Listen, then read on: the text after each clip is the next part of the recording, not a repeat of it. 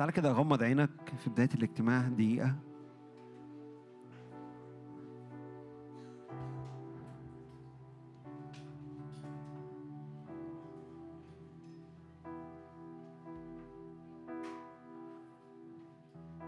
رب عطشان لحضورك عطشان ليك.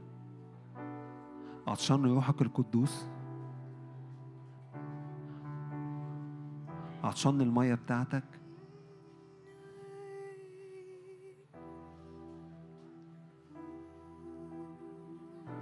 بصعد قدام الجبل أتقابل معاك. وجها إلى وجه.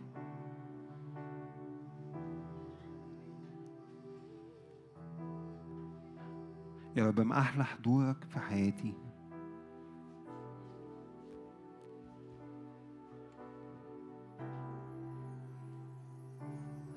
أشجعك إنك تصلي وتتكلم معاه. ده أهم وقت أهم من وقت التسبيح. إنك أنت اللي تتكلم معاه.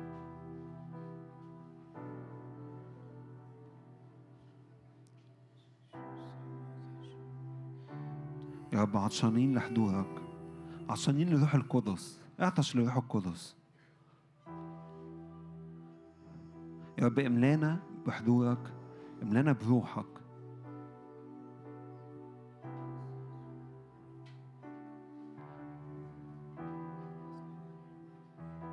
نعم يا رب هذه هي راحتك. ها هنا تسكن في وسطنا.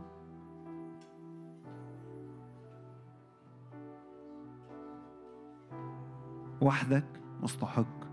تأخذ كل المجد.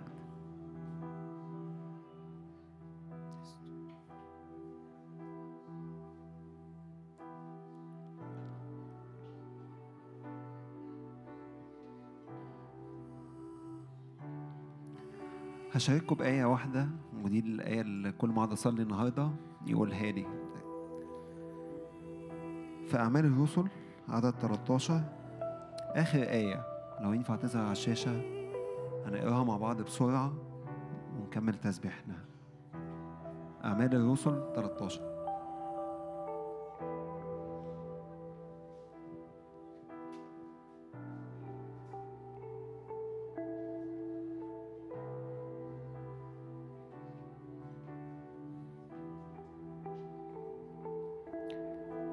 13 52 آخر آية.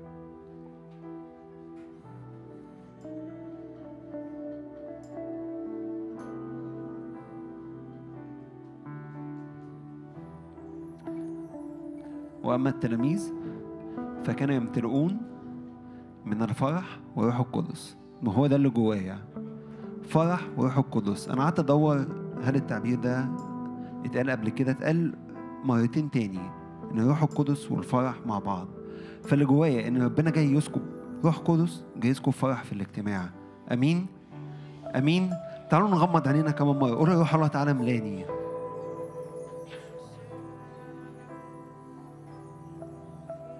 عطشان ليك وعطشان لحضورك. يا رب املاني بالفرح بتاعك وبالروح القدس.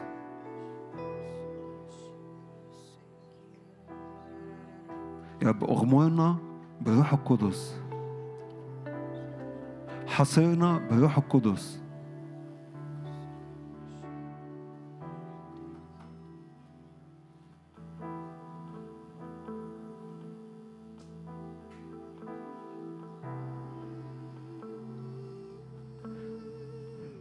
نعم يا رب اغمرنا بالروح القدس وعمدنا بالروح القدس وبالفرح.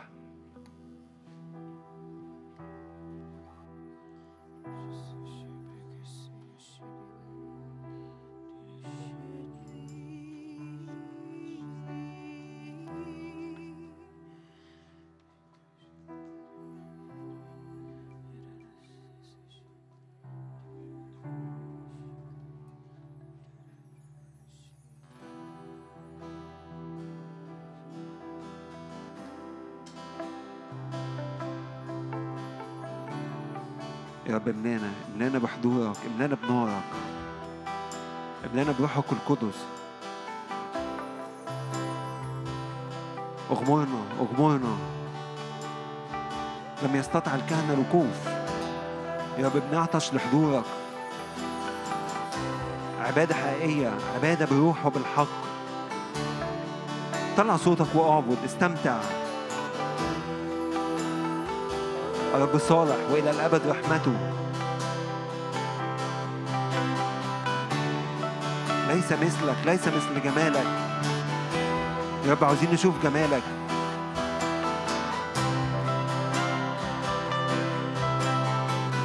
حبيبي لي وأنا له. قول له كده أنت حبيبي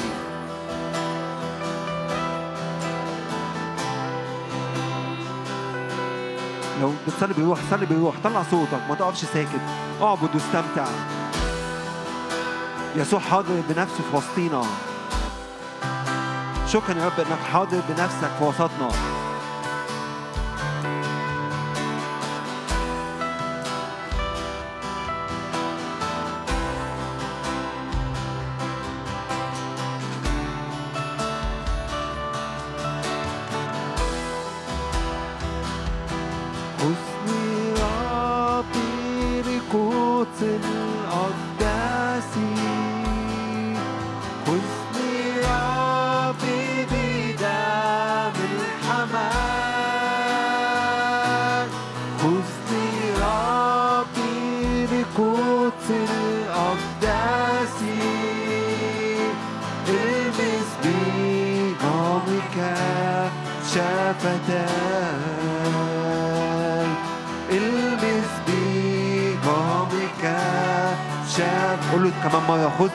القدس الأقداس. خذني ربي لقدس الأقداس. خذني ربي بدم الحمام.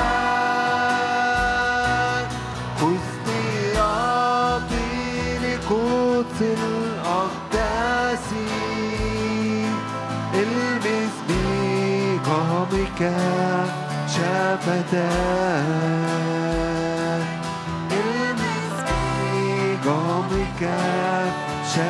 شفتاه أدخل ديارك.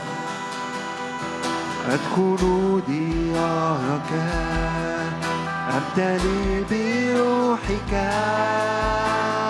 وحدك يا رب. ألتمس برك. تاركا خطيئتي رافعا لك الصلاة.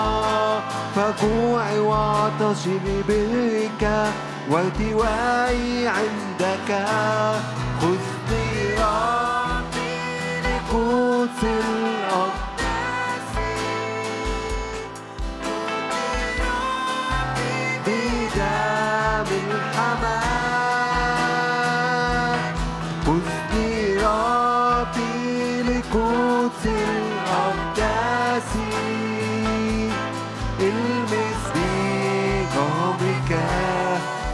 شفتاي المس بقومك شفتاي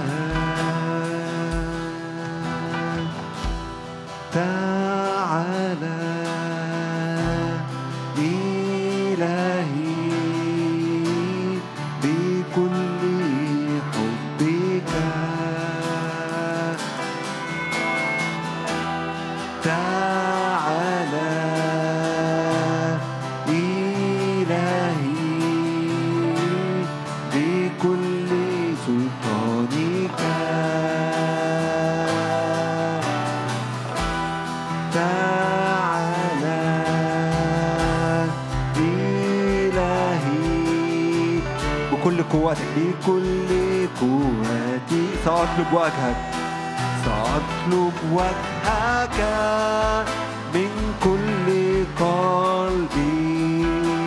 سأطلب وجهك من كل فكري. سأطلب وجهك من كل قدرتي. فأنت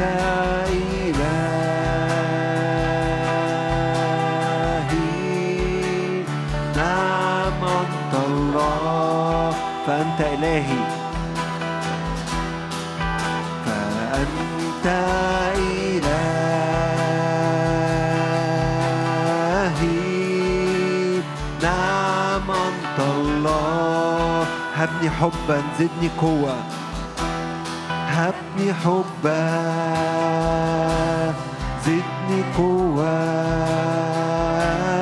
امتلكني يا الله. هبني حبا.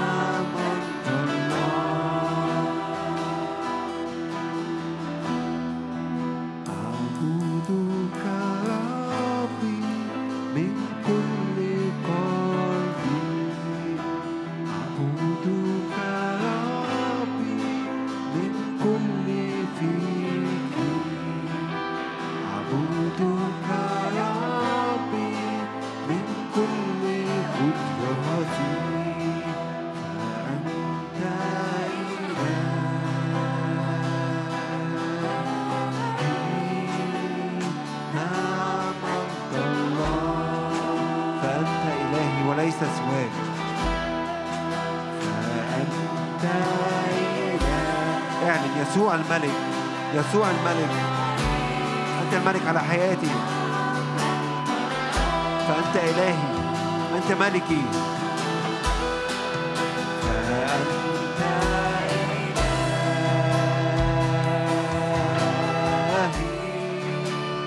نعم.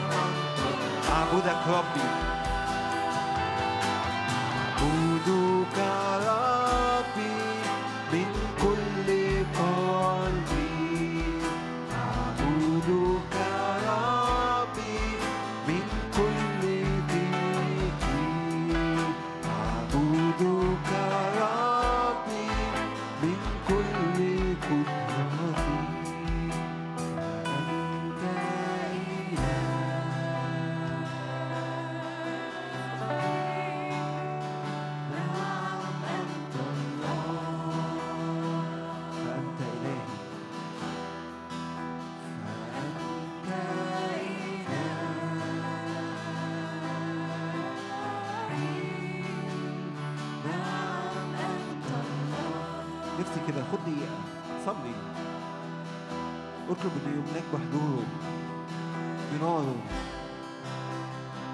أنت الهي وليس سواك.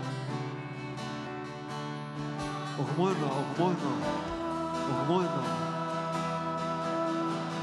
صليها صليها قول له اغمرنا اغمرنا.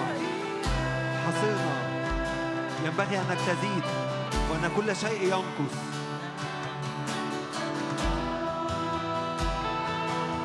أنت الهي وليس سواك. أنت. يسوع إلهي. يسوع ملكي ممن أخاف.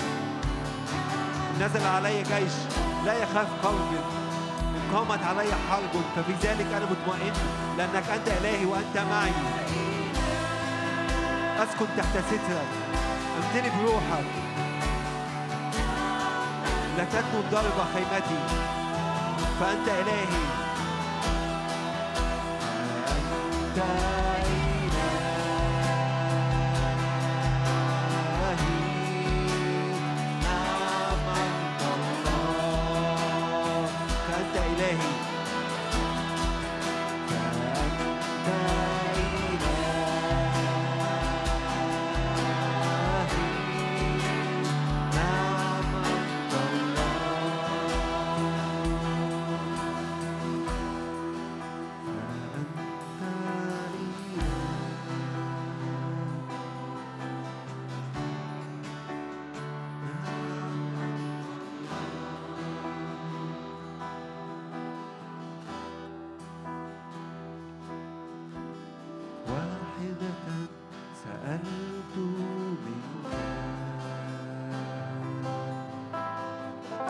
ملكها إليك بكنسك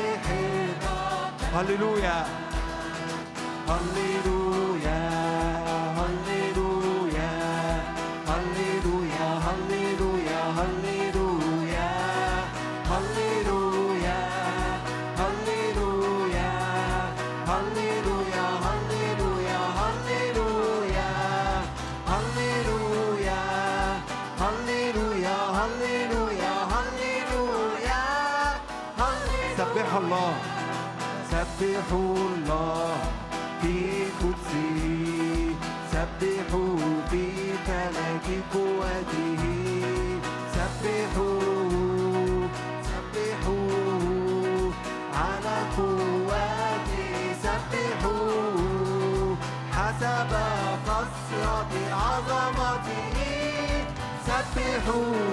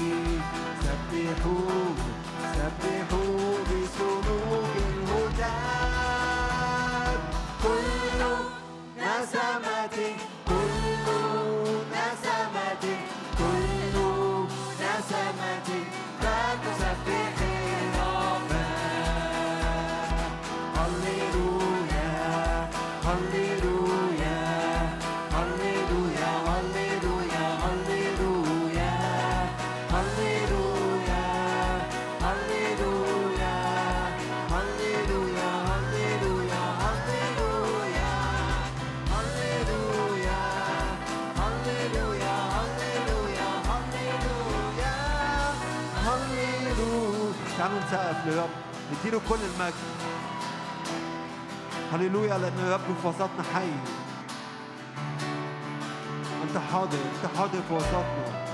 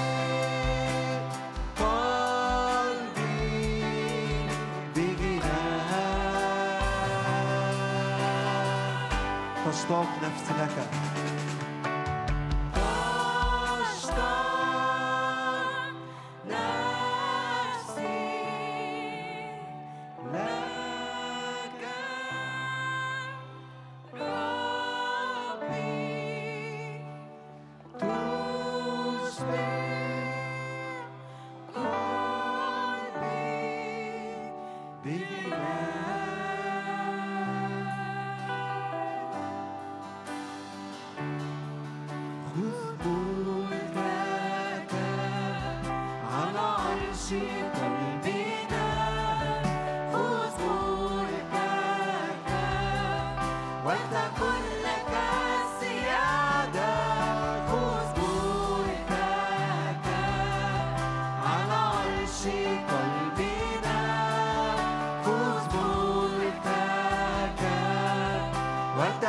خذ ملكك خذ ملكك.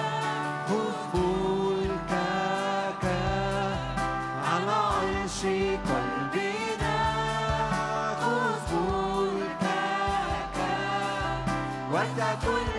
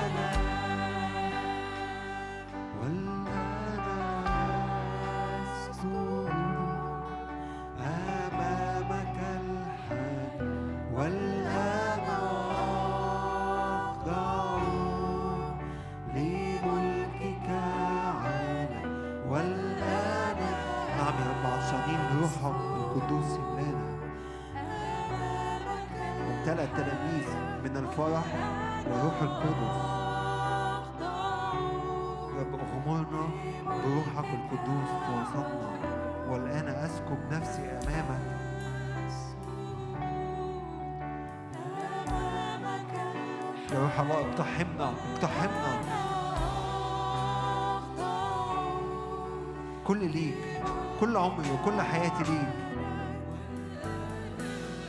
يا رب بنسكب نفسنا قدامك.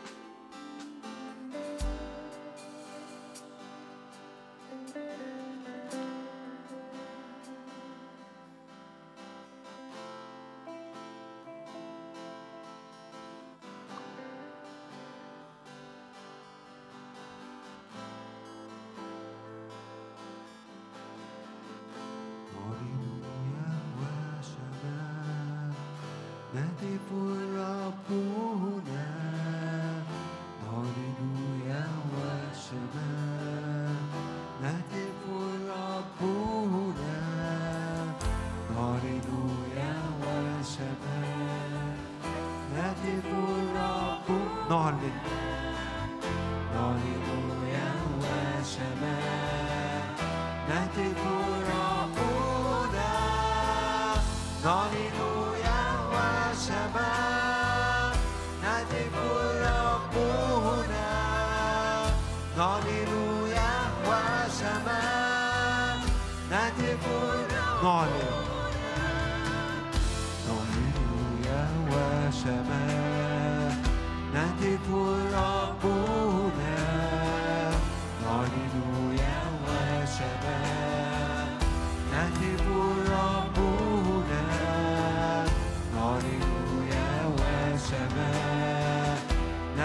forever.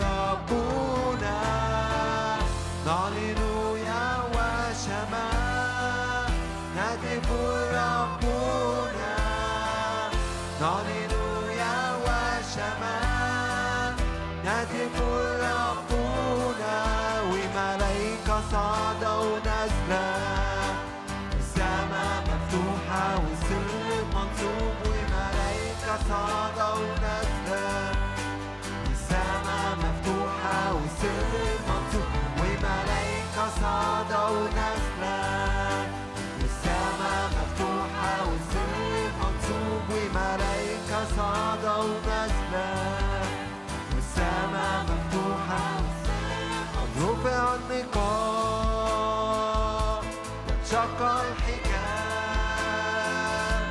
قد رفع النقاب وانشق الحجاب لنعاين مجدنا قد رفع النقاب.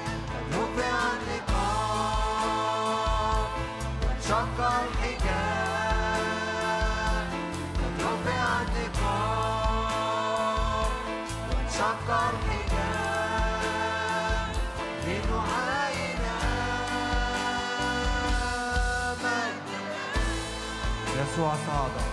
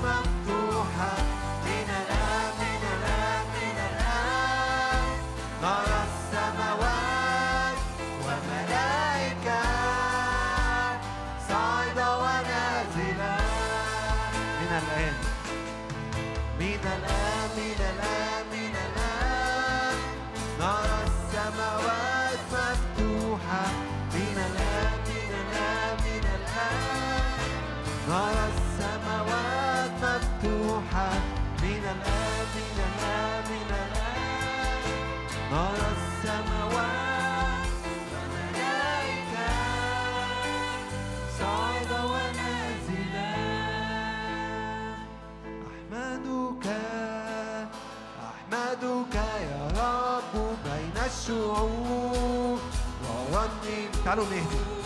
ورنم لك بين الأمم تعالوا نقف مع بعض. أحمدك أحمدك يا رب بين الشعوب الرب صالح ولي الأبد أحمده ورنم لك أحمدك يا رب. أحمدك أحمدك يا رب. بين الشعوب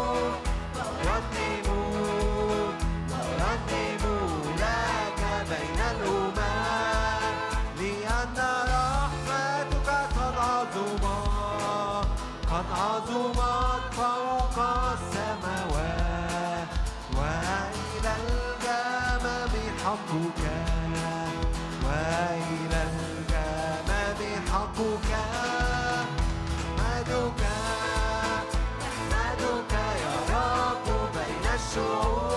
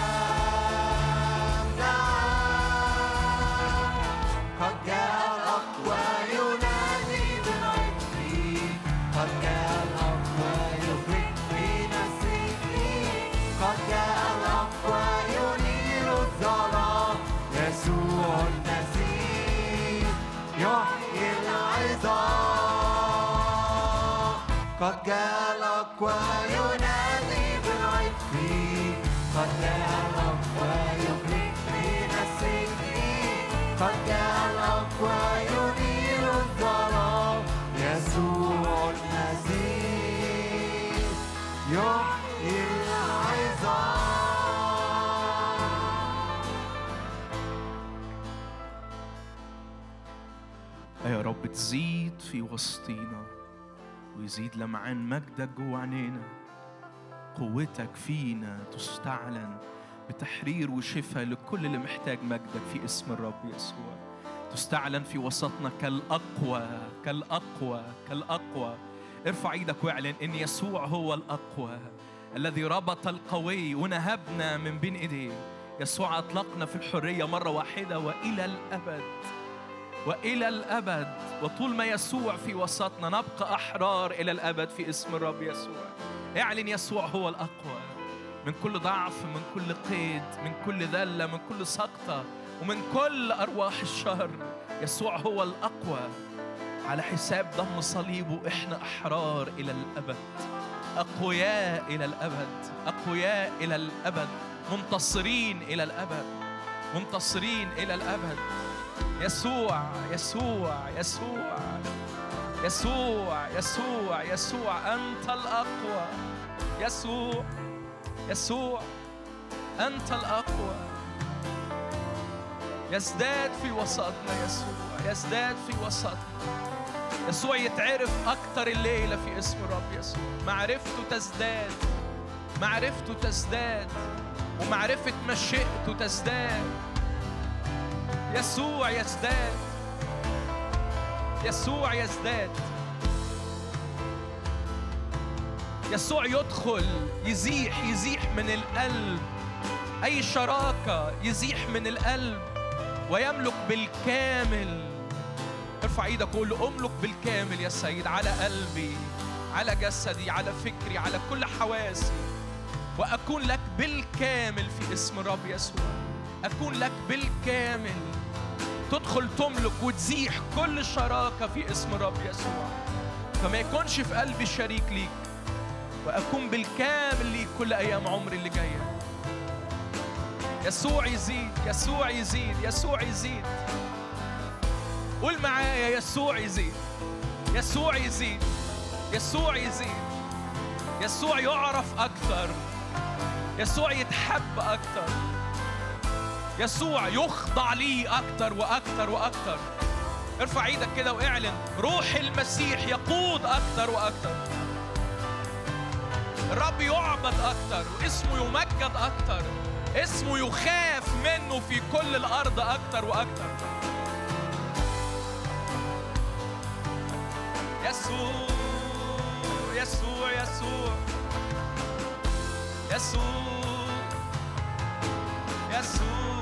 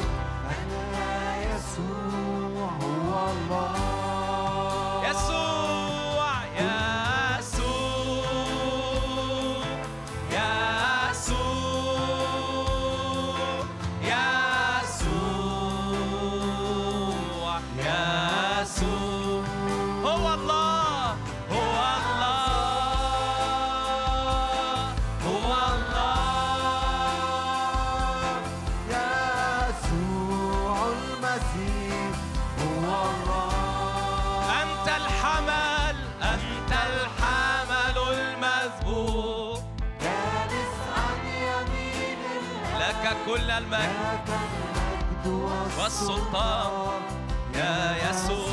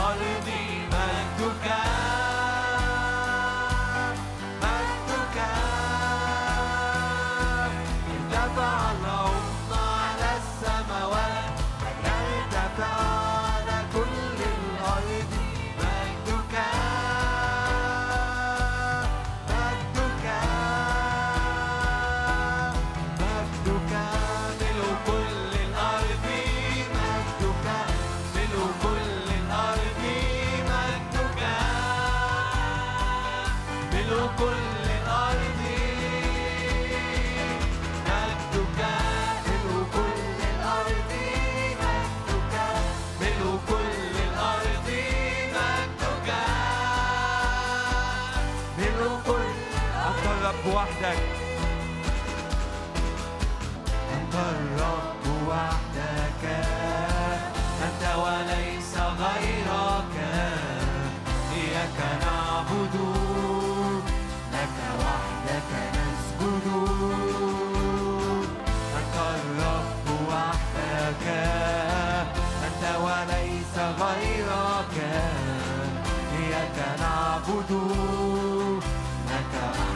الرب وحدك. يعني شرحها أنت الرب وحدك.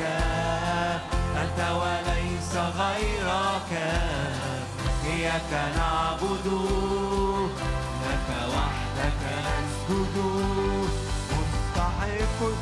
تكسو كل رب ويعترف كل لسان أنك وحدك الإله.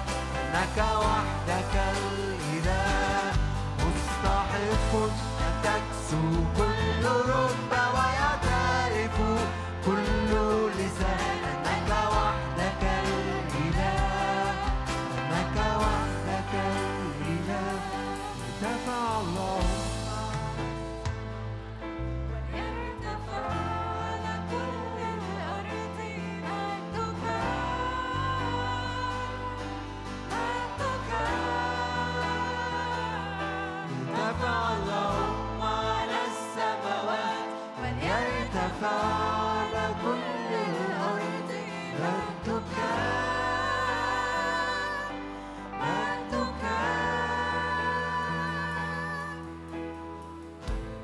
أقوى جيل هتشوفوا الأرض دي أقوى جيل هتشوفوا الأرض دي هو الجيل اللي لما إبليس هيبص له مش هيشوفه لأن يسوع هيبقى واخد المشهد كله.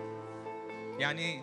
أقوى جيل هتشوفوا الأرض دي هي الجيل اللي يسوع أخد راحته وظهر للآخر والجميع اختفى فيه.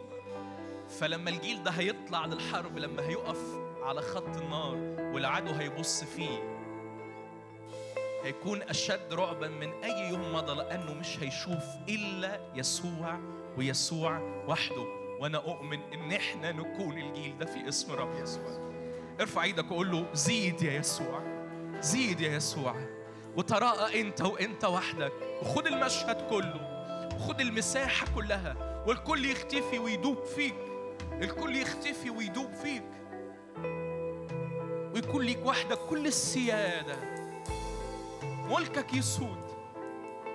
كلمتك تجرى. أحكامك تجرى.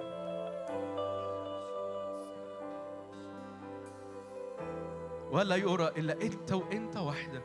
في حياتي في حياة إخواتي وفي كل جيلي. قول له رب من فضلك أنا وإخواتي مشتاقين نكون الجيل ده. قولي للرب كده أنا وإخواتي. مشتاقين نكون الجيل ده. مشتاقين نكون الجيل ده.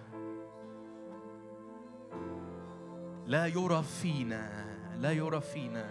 قولها على نفسك قولي كده قولي لا يرى فيا لا يرى فيا إلا يسوع ويسوع وحده.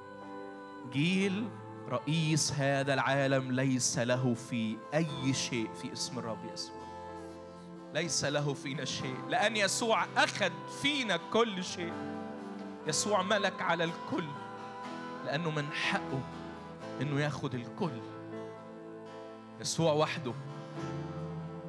يسوع وحده. قول معايا يسوع هو الكل في الكل.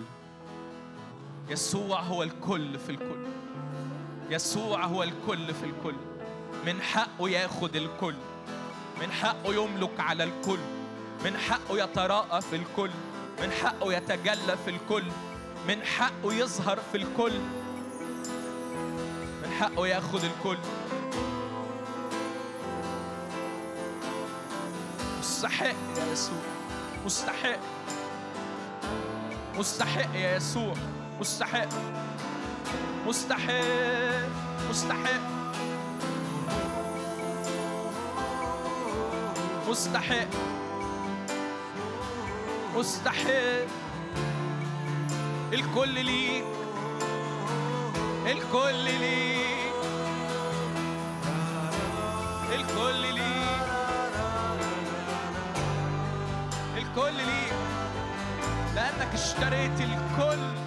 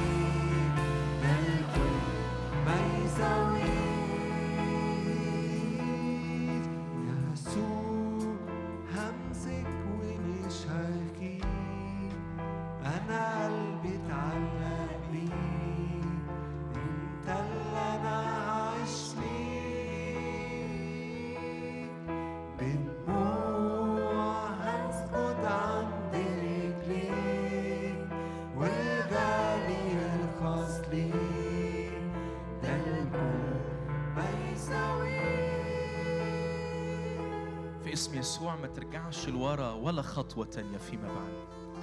في اسم يسوع تمسك الآن في اختبارك تمسك الآن في مستوى المجد اللي في حياتك ويزداد ما ينقصش في اسم يسوع. ويمتد ما ينحسرش في اسم الرب يسوع. رب ياخد أكتر مش أقل في اسم الرب يسوع. لا رجوع للوراء مرة أخرى. ولا تلف في دواير مرة تانية لكن تنسى ما وراء تمتد إلى ما هو قدام. تنظر على رئيس الإيمان ومكمله يسوع. تمتد نحو القصد ناحية الجعالة ناحية الدعوة العليا في المسيح يسوع. تمسك في الرب الآن ولا ترخيه. تمسك فيه ولا ترخيه. ويملك الرب على كل شيء. ويزداد في حياتك يزداد في حياتك يزداد في حياتك يزداد يسوع. يزداد يسوع. يزداد يزداد يسوع. يزداد يسوع. يزداد يسوع. انت شوقي. شوقي وطلبتي مشتاق أكثر كل جالي أفتكر فيك أنت. أنشغل بيك أنت.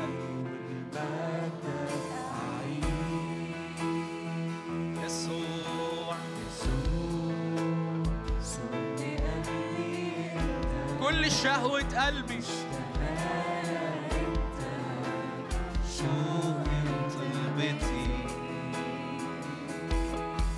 مشتاق أكثر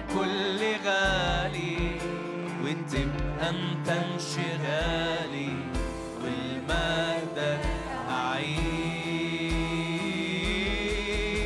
يسوع همسك ومش هرخيك أنا قلبي اتعلق بيك.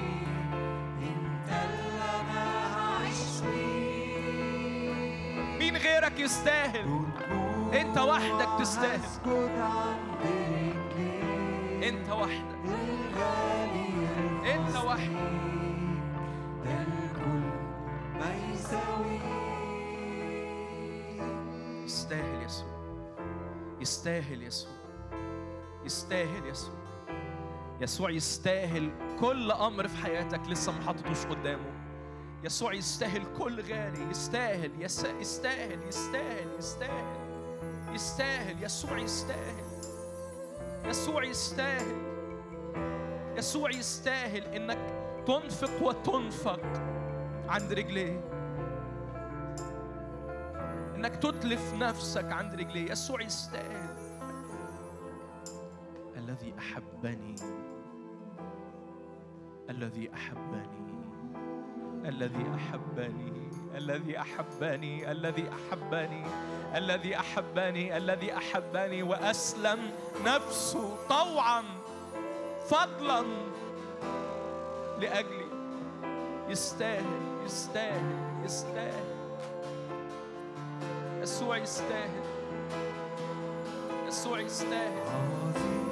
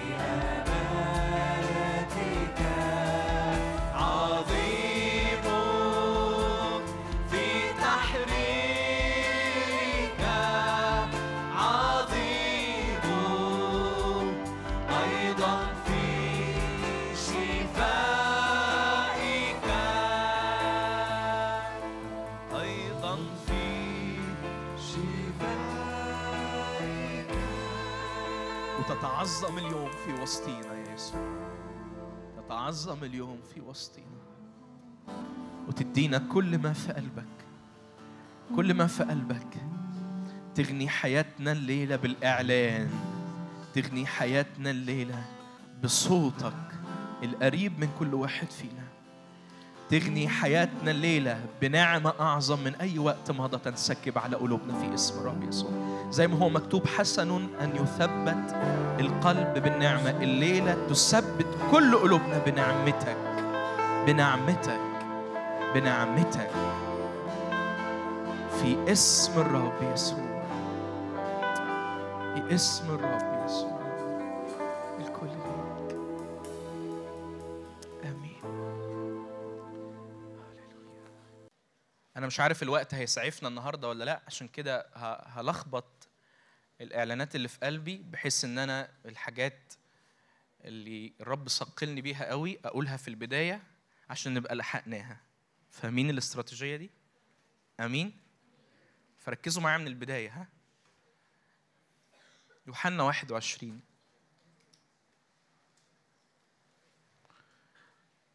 ونقرا من عدد 15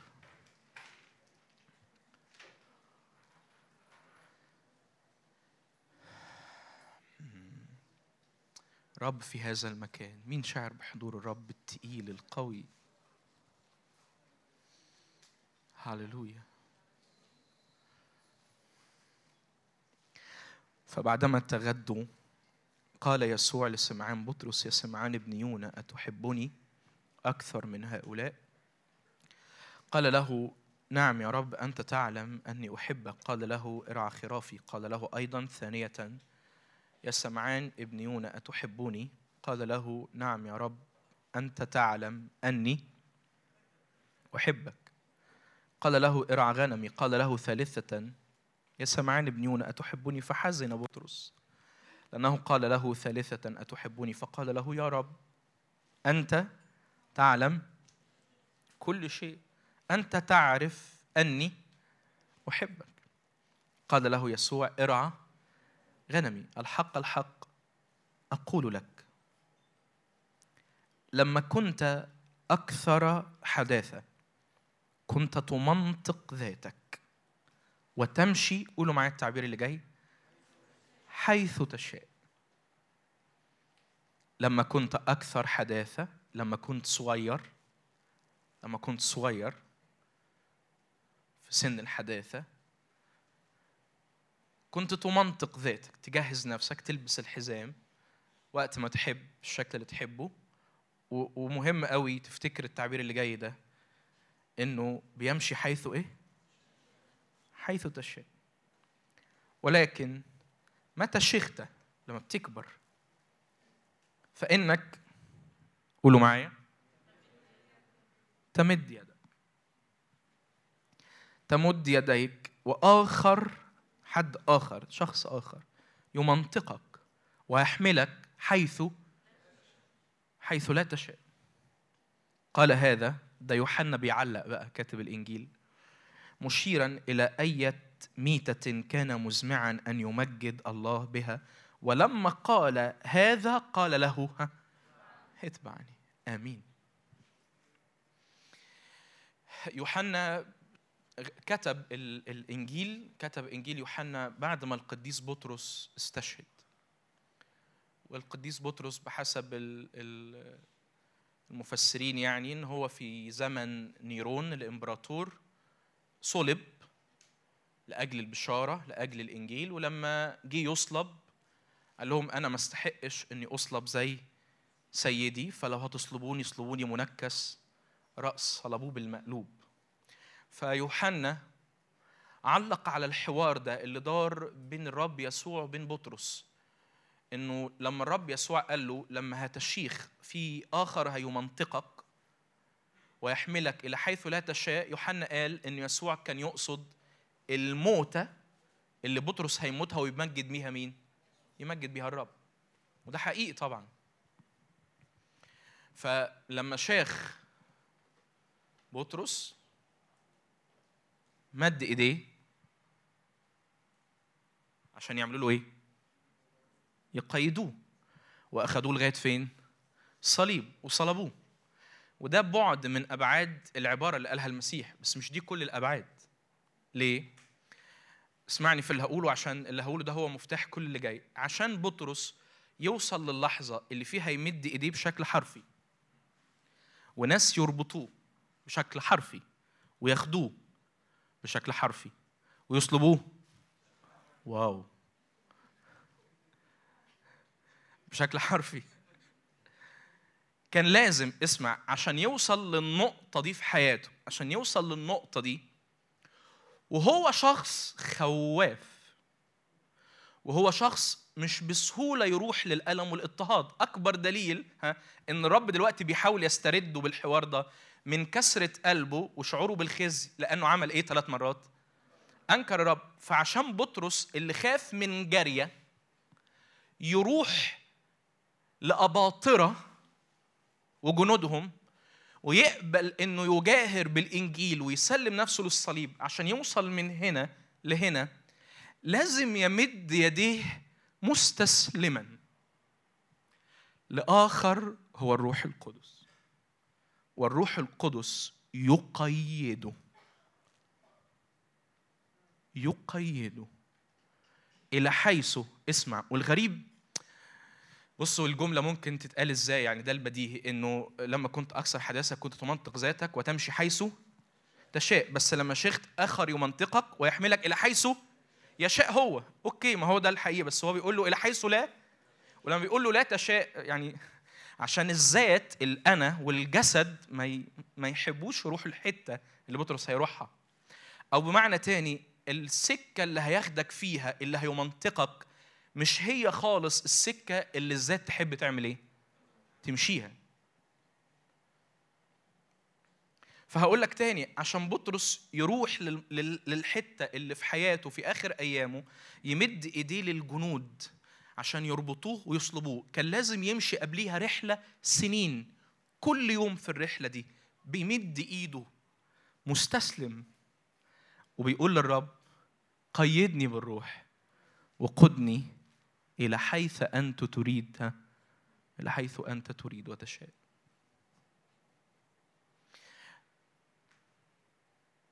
وده البعد اللي نفسي نركز عليه النهارده. لما كنا أكثر حداثة لما كنا جداد في في في الحكاية بتاعت ربنا وفي المشي مع المسيح لما كنا لسه جايين للمسيح جديد كان لسه ال- الذات ليها مساحة تتحرك فيها. كان لسه عندنا رأي. كان لسه لينا رأي. وكنا ساعات نمنطق ذاتنا ونمشي حيث إيه؟ نشاء. وأنا ما أنا فاهم أنا فاهم أنا فاهم يسوع بيقول له إيه؟ لأنه لو ركزت هتلقى نفسك زي ما أنا بلقى نفسي. آه ده حصل فعلا. أنا في وقت كنت مدي حياتي للمسيح. آه وممكن أكون كمان كنت بخدم المسيح بس كان لسه الجسد ليه رأي وكان لسه الذات ليها رأي وكان لسه في أوقات كتيرة أنا بمنطق ذاتي وأمشي حيث إيه؟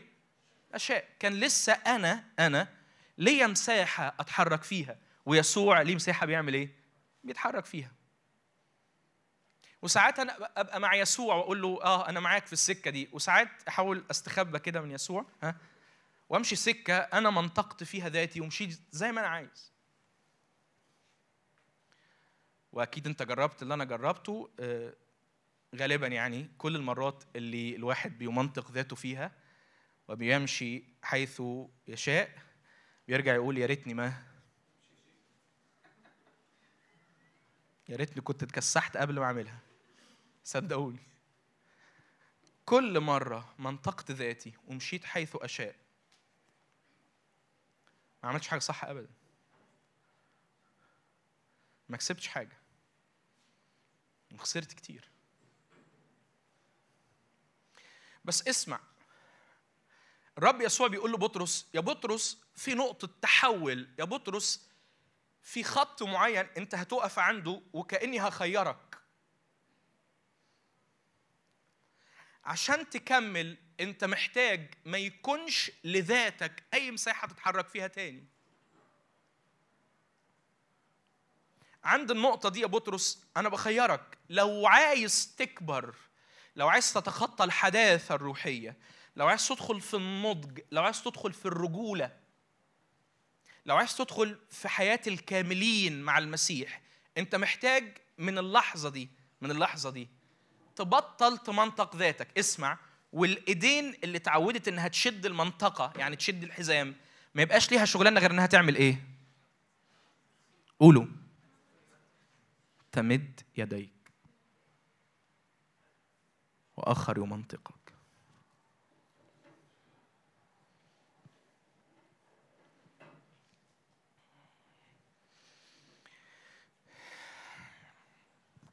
ودي دي حاجة صعبة جدا. اللي موافق إنها صعب يرفع إيده كده؟ وكل ما تشعر إن ربنا بيزقك ناحيه ناحية الخط ده أكتر أنت بترتبك وبتحس إنه الحسابات بقيت أصعب وتحس إن الموضوع دخل في الجد ليه؟ لأنه ببساطة عند خط معين الرب يقول لك فاكرين اللي كنا بنصلي بيه لما العدو يبص ما يشوفش غير مين؟ فأنت كل ما بتقرب من الخط ده الرب يقول لك أنت أنت مش هيبقى ليك وجود تاني. ليه؟ لأنه أنت هتموت ومين هيحيا؟ مع المسيح صلبت فأحيا لا أنا بل المسيح يحيا فيا فلو جيت تقول له بولس أنت فين؟ هيقول لك أنا في المسيح أنا مش هنا أنا مت لو جيت تدور مش هتلقى غير يسوع الزقة دي لما ربنا بيفضل يزق في الواحد كده لغاية ما يوصله للخط ده اللي يخيره فيه. أنا شاعر أو شايف أو حاسس أو مقتنع أو مؤمن ما أعرفش أسميها إيه إن الرب الأيام دي مش بيزق عليها شخص لكن بيزق عليها جيل. قولوا معايا بيزق عليها إيه؟ جيل.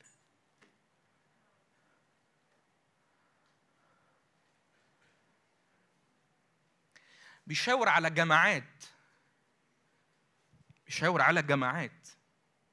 بيشاور على عائلات مسيحية. بيشاور على الكنيسة كلها.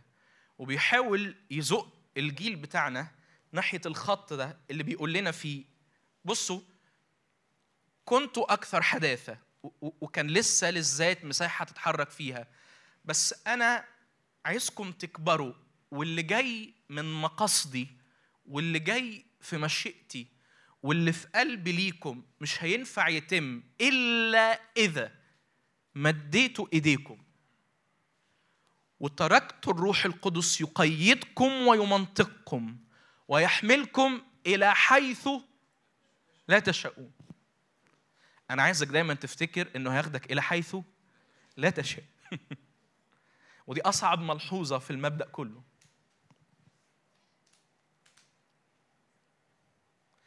أنتوا عارفين في بعض آه، المراجع يعني قيل عن القديس بطرس إن في اليوم اللي كان المفروض يقف فيه وقفة معينة ويشهد شهادة معينة وعارف انه لو عمل كده هيصلبوه هرب. جري. ويقال إنه كان بيجري في غابة وفجأة ظهر له الرب. ولقى الرب مش بيوقف له الرب ماشي. فبطرس قال له يا رب أنت رايح فين؟ راح قال له أنا رايح أتصلب. دي السكة العادية بتاعتي. فبطرس فهم واتكسف وعمل إيه؟ ورجع كمل السكة اللي الرب كلمه عنها. فخليك فاكر إنها رحلة صدقني لغاية آخر اللحظات فيها بتبقى برضه إلى حيث لا بس بيبقى في نعمة بيبقى في استعلانات بيبقى في تدخلات إلهية هتفضل تحملك. قولوا معايا تفضل إيه؟ خليك فاكر إنه زي ما مكتوب حيث لا تشاء في كلمة آخر يعمل إيه؟ يمنطقك ويحملك يحملنا. عايز تقول إيه؟ عايز أقول في أيام جاية في أيام بدأت. الرب عايز ينجز بينا. عارفين يعني إيه ينجز؟ رب عايز يخلص بينا. رب عايز يدوقنا ويدوق الأرض حاجة الأرض ما دقتهاش قبل كده. رب عايز يجهزنا لل- لل- للتحديات والمعارك بتاعة الأيام الأخيرة. رب عايز يزيننا عشان نكون بلا عيب ولما نقف قدامه نبقى كعروس مزينة لعريسها امرأته.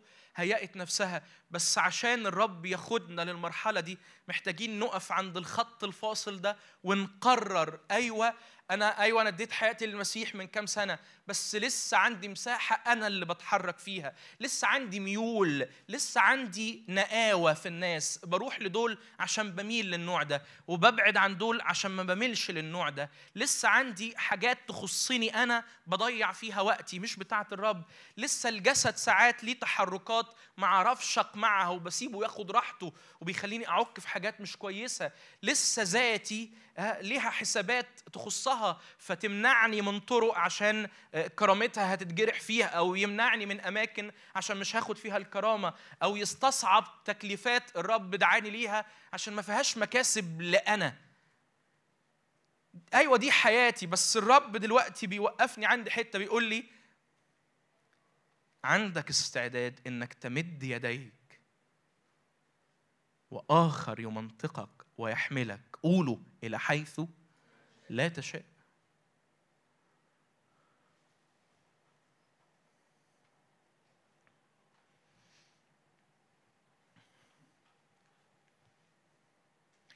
بس غالبا غالبا إحنا عشان ناخد القرار ده ها لازم تكون مشيئته دي اللي هي اللي الذات ما تحبهاش مشيئة محبوبة في قلوبنا بنحبها وإن كانت صعبة على الذات بنحبها وإن كانت صعبة على الجسد بس بنحبها لأننا بنحبه.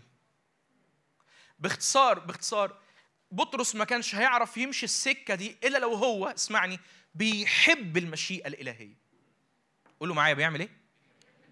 بيحب المشيئة الإلهية.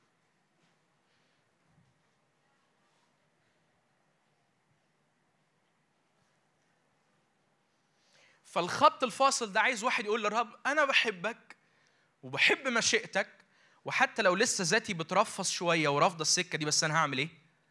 همشيها. وحتى لو كانت ذاتي ما تحبنيش إني أمد إيدي بس همدها. ليه؟ لأني بحبك وبحب مشيئتك.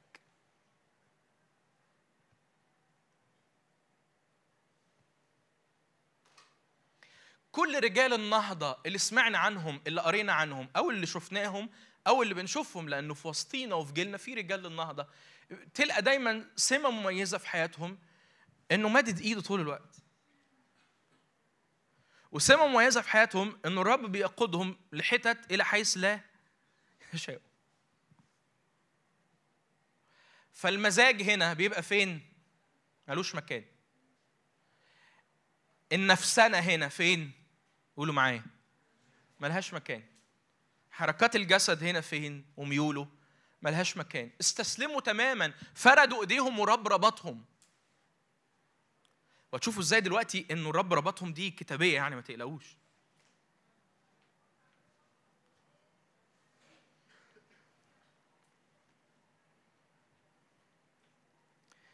أعمال 13 وعدد 21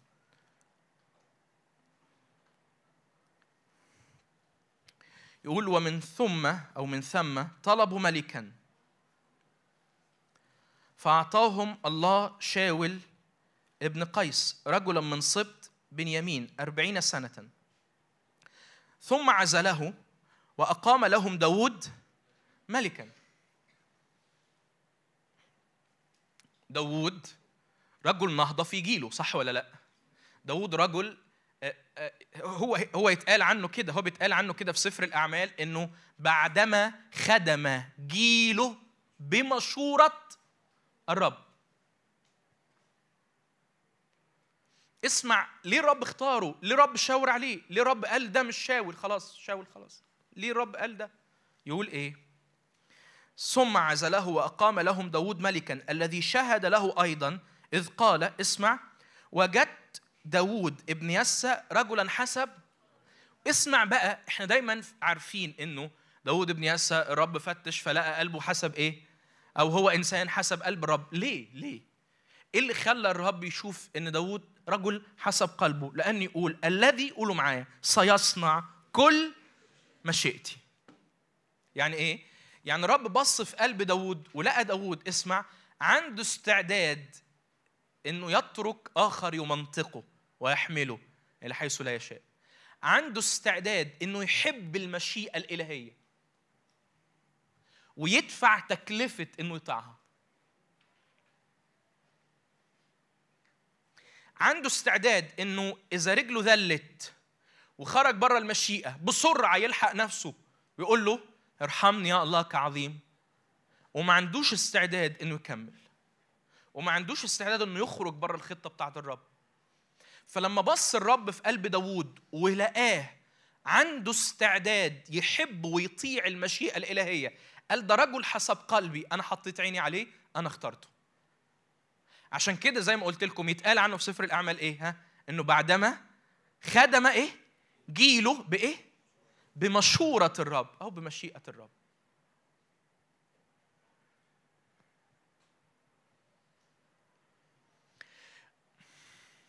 فالرب يدور على ناس يخدموا جيلهم بمشورة مين؟ بمشورة الرب. لو تحب تكون واحد منهم لو تحب تكوني واحدة منهم لازم النهاردة يبقى عندك الاستعداد ده إنك تقفل صفحة كنت بتمنطق ذاتك فيها وتستسلم للرب تماما وتمد يديك والروح القدس يقيدك ويحملك إلى حيث هو يريد ويشاء. الرب بيدور على العينة دي. وفي تعبير أنا مش عايز أركز على الشخصية. تعالوا نطلع مع بعض اشعياء في تعبير كده أنا بحبه يعني. نفسي أحطه قدام عينينا. أنا شاعر إن التعبير لوحده مهم. اشعياء 46 وعدد تسعة. أنتوا عارفين مين ال مين ال ال الراجل اللي أطلق نداء بعودة المسبيين؟ كورش. تسمعوا عن كورش؟ تقروا عنه في عزرة واحد إنه أول ما ملك يتقال عنه كده إن الرب نبه روحه وأطلق نداء إن المسبيين يرجعوا وإن اللي مش هيرجع هو اللي أمر بكده يعضد اللي رجعوا بالإيه؟ بالأموال. ليه؟ هو قال كده لأنه الرب طلب من كورش إنه يبني ليه بيت. فده اللي الرب سببه حطه يعني يحرك الأحداث عشان الشعب يرجع من السبي. ده اللي الرب أمره إنه يصرف ويدي مساحة وسلطان للناس لبناء بيت. وعمل حاجة كمان مميزة قوي. ده اللي أخرج الآنية آنية بيت الرب اللي اخذها نبوخذ نصر وعمل إيه؟ ورجعها. فكورش كورش عمل حاجات كتير مهمة تاريخية كانت في قلب مين؟ في قلب الرب. بص الرب يقول عليه إيه؟ في عدد تسعة. اذكروا الأوليات. منذ القديم لأني أنا الله وليس آخر الإله وليس مثلي مخبر منذ البدء بالأخير ومنذ القديم بما لم يفعل. قائلا رأيي يقوم وأفعل كل مسراتي. بس اسمع بقى عشان رأيه يقوم ويفعل كل مسرته بيدور على نوعية. بيدور على رجالة بيدور على ناس بيدور على مؤمنين نوعية معينة. بيدور على مين؟ بص يقول إيه؟ داع من المشرق الكاسر من أرض بعيدة. قولوا التعبير اللي جاي. رجل مشورتي. التعبير ده أنا وقفت قدامه كتير. بيسمي كورش إيه؟ رجل مشورتي. يعني عارف لما يتقال عن حد رجل الله لا في تعبير تاني. رجل مشيئة الله أو رجل مشورة الله أو رجل المشيئة الإلهية. ده إيه؟ ده إنسان شاعر إن أولويته العظمى في الحياة إن اللي في قلب الرب يبقى على الأرض. فاهمين؟ بينام وبيقوم بيحلم بتتميم المشيئة الإلهية. كل شهوة قلبه في الحياة إنه يعيش مشيئة الرب. كل انشغاله كل انشغاله محور صلواته وعبادته وكل تبعيته للرب كل حاجة إنه يا رب أنت عايزني أعمل إيه؟ فيسميك الرب رجل إيه؟ رجل مشورته أو رجل مشيئته رجل المشيئة الإلهية يسمي كورش رجل مشورتي قد تكلمت فأجريه قضيت فاه خد بالك الآية مليانة تعبيرات مليانة بسلطان الرب وتعبيرات تدل على إنه ضابط الكل وإنه طالما عايز يعمل حاجة ها بس في نفس الوقت في نفس الآية بيقول إنه ليا رجل هو رجل إيه؟ مشورتي. أيوه هو ضابط الكل بس بيدور على ناس ياخد المشيئة دي ها ويثبتوها في الأرض. وزي ما قلت لكم في البداية أنا مش شاعر إن الرب جاي يحرك كام فرد في وسطينا ناحية الأمر ده فمش شاعر إن الرب جاي يدور على رجل المشيئة الإلهية. أنا شاعر إن الرب جاي يدور على جيل المشيئة الإلهية. قولوا آمين. لا صحصحوا معايا كده بدل ما هلتفت للزرع وأسيبكم خالص. جيل المشورة الإلهية. يعني الجيل اللي شغل الشاغل خلينا استعمل التعبير ده اللي بحبه قوي. جيل مفيش حاجة واكل عقله غير المشيئة الإلهية. عارف يعني إيه يبقى عقلك متاكل؟ يعني عارفين لما واحد يبقى إيه؟ معانا ومش معانا، دايما سرحان، دايما مشغول في حاجات إحنا مش فاهمينها، فنقول له إيه؟ هو مين اللي واكل عقلك؟ أنا بصلي وبحلم إنه نكون جيل، نكون جيل كل ما العالم يجي ينكشنا يلاقينا إيه؟ ميتين، مفيش حاجة مسمعة. كل ما يجي يعرض علينا حاجة مفيش مفيش حاجة مفيش حاجة متحركة. والناس كل ما يحاولوا الناس كل ما يحاولوا الناس إنهم يغرونا بثقافتهم وبأسلوب حياتهم العالمي الأرضي الجسداني النفساني. كل ما العالم كل ما الناس يحاولوا يحركونا يلفتوا انتباهنا مفيش. فيقولوا لنا هو إيه اللي واكل عقلكم؟ نقول لهم المشيئة الإلهية. مشغولين بالمشيئة الإلهية. اسمعني أرجوك أنا بس عايز عايز ألحق بعض الناس عايز ألحق بعض الناس. لحسن حد يقول لك آه بالفعل أنا كل اللي شاغلني في الحياة المشيئة الإلهية. أقول له إزاي؟ يقول لي يعني أنا مثلا بقالي سنة بصلي أرتبط بكريستين ولا بمريم؟ مشيئة الرب أنهي واحدة فيهم؟ واحد يقول لي أنا بالفعل أكتر حاجة شغلاني المشيئة الإلهية. فأنا صايم وبصلي بقالي 30 40 يوم عشان أروح السويد ولا أمريكا؟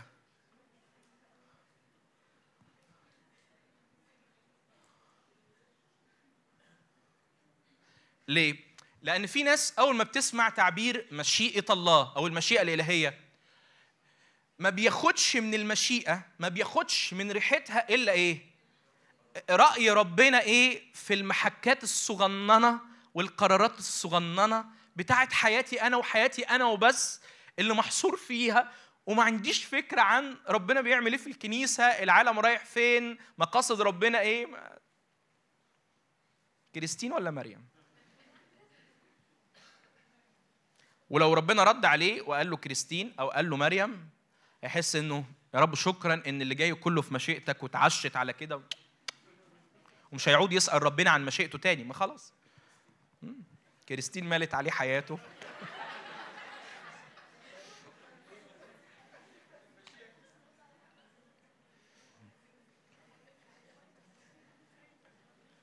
لا اسمعوني. يعني إيه يعني إيه جيل المشيئة الإلهية؟ اسمع أرجوك اسمعني. يعني جيل جيل. ما بيبطلش وقفة قدام الرب علشان يفضل الرب طول الوقت يعلن لهم مقصده ناحية الأرض والكنيسة. ده رقم واحد. جيل تاني. ما بيبطلش وقفة قدام الرب في سبيل إن الرب يعلن اللي في قلبه ناحية الكنيسة ومستقبل الكنيسة وحاضر الكنيسة. رقم اتنين جيل ما بيبطلش وقفة قدام الرب غير لما يتأكد إنه له دور مش إن الرب بيعمل اللي هو عايزه. لا إنه له إيه؟ دور في اللي في قلب الرب إنه يحصل على الأرض. رقم ثلاثة جيل ما بيبطلش واقفة قدام الرب علشان يفضل الرب يثبت خطواته في السكة بتاعة المقاصد الإلهية ويفضل يتمكن بالنعمة يتمكن بقوة الروح القدس وبصيرته تتفتح جيل كل اللي بيفرحه وبينعش قلبه إنه يشعر إنه يس عملنا حتة من اللي هو قاله. طب نهدى بقى. لا لا لا لا اتشوقنا إن إحنا نعمل أكتر. قول لنا إيه اللي جاي. مين ده جيل المشيئة الإلهية. فجيل زاوية الرؤية بتاعته واسعة جدا. مش أسافر ولا لأ مش أشتغل فين. كل ده كو... كل ده برضو المشيئة الالهيه بتتدخل فيه أنتوا فاهمين؟ أنا قلت في البداية ما بياخدش من المشيئة غير ده. ما أقصدش إن ده مش المشيئة بس المشيئة أكبر من كده. أصل المشيئة اسمع لو أنا كل اللي شاغلني في المشيئة الإلهية. أرجوكم اسمعوا معايا الملحوظة دي. لو أنا كل اللي شاغلني في المشيئة الإلهية أنا هروح فين وهعيش فين وه- وهتجوز مين وهدرس فين وهسافر فين؟ أنا مش بحب المشيئة الإلهية. أنا بحبني. وبطلب المشيئة الإلهية عشان حاجة واحدة بس. الاقتناع التام إن عمري ما هختار أفضل من مين. وأنا باختصار عايز مصلحتي. فما أقدرش أعيش من غير مشيئتك يا رب. لا. انت ما تقدرش تعيش من غير الافضل وبتدور على الافضل لنفسك. انما اسمع يعني إيه؟ يعني إيه جيل المشيئة الإلهية؟ يعني الجيل اللي بيروح للرب يقول له إيه؟ سيبك مني أنا. أؤمر. عمر حد هنا قال لرب أؤمر؟ لو ما بتصليش الصلوة دي فايتك كتير. رأيك تتعلم الوقت الجاي تقول للرب ها؟ أؤمر.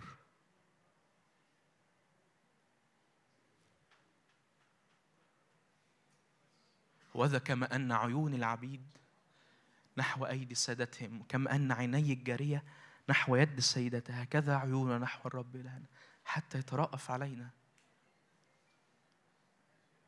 بإشارة كده يطلب حاجة.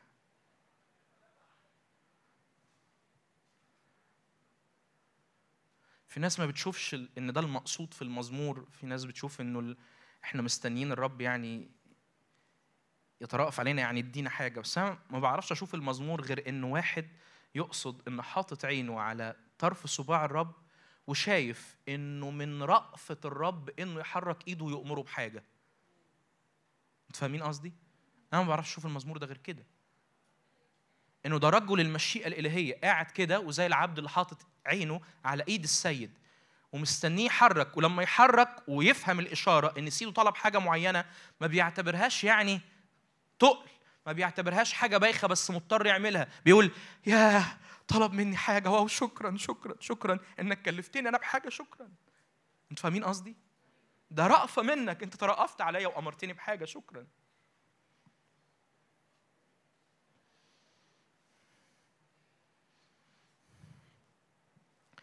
تعالوا نطلع مع بعض أعمال تسعة. وهنبص كده على واحد من رجال المشيئة الإلهية بامتياز بولس الرسول. هنبص عليه في كم موقف. في أعمال تسعة وعدد ثلاثة حصل الآتي. في ذهابه حدث أنه اقترب إلى دمشق. فاكرين كان رايح دمشق يعمل إيه؟ يضطهد الكنيسة هناك. ما أعرفش ما أعرفش حضرتك عمرك تساءلت زي ما أنا تساءلت. من وسط كل الناس اللي اضطهدوا الكنيسة اشمعنى ده اللي رب يعمل إيه؟ يتقابل معاه ويواجهه ويرده ويغيره ويعمل بيه كل ده. اشمعنى يعني؟ بس أنا شفت حاجة في الحوار ده وقفتني. وعايزين نقف قدامها مع بعض. أبرق حوله نور من السماء فسقط على الأرض وسمع صوتا قائلا له شاول شاول لماذا تضطهدني؟ فقال من أنت يا سيد؟ من أنت يا إيه؟ بالنسبة له ده صوت مجهول فأنت مين يا سيد؟ فقال الرب أنا يسوع. الذي أنت تضطهده. صعب عليك أن ترفس مناخس. اللي أنت بتعمله ده أنت يعني أنت مش قده أنت بتأذي نفسك. أنت بترفس مناخس. اسمع اللي جاية دي. بصوا أنتوا متخيلين إن ده الرب يسوع ظهر لواحد. وظهر لواحد كان مضطهد لإيه؟ للكنيسة.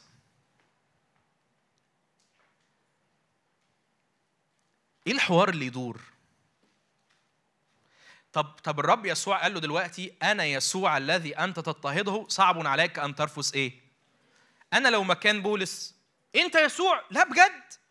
يعني أنت طلعت ربنا؟ يعني أنت و... يا نهار أبيض طب واللي أنا عملته؟ طب هتسامحني؟ طب طب أنت إزاي ربنا؟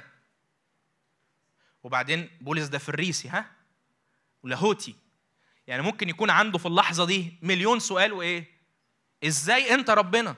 بصوا في مليون سيناريو محتمل أكثر منطقية المفروض بولس يقوله من الحوار اللي هيقوله. بولس بمجرد ما يسوع يقول له أنا يسوع الذي أنت تضطهده بص بص من بين كل السيناريوهات العادية. يقول له إيه؟ اسمع. فقال وهو مرتعد ومتحير. يا رب. مبدئيا آمن إن ده مين؟ أيوه إيه أول حاجة قالها بولس للمسيح في حياته؟ ماذا تريد أن أفعل؟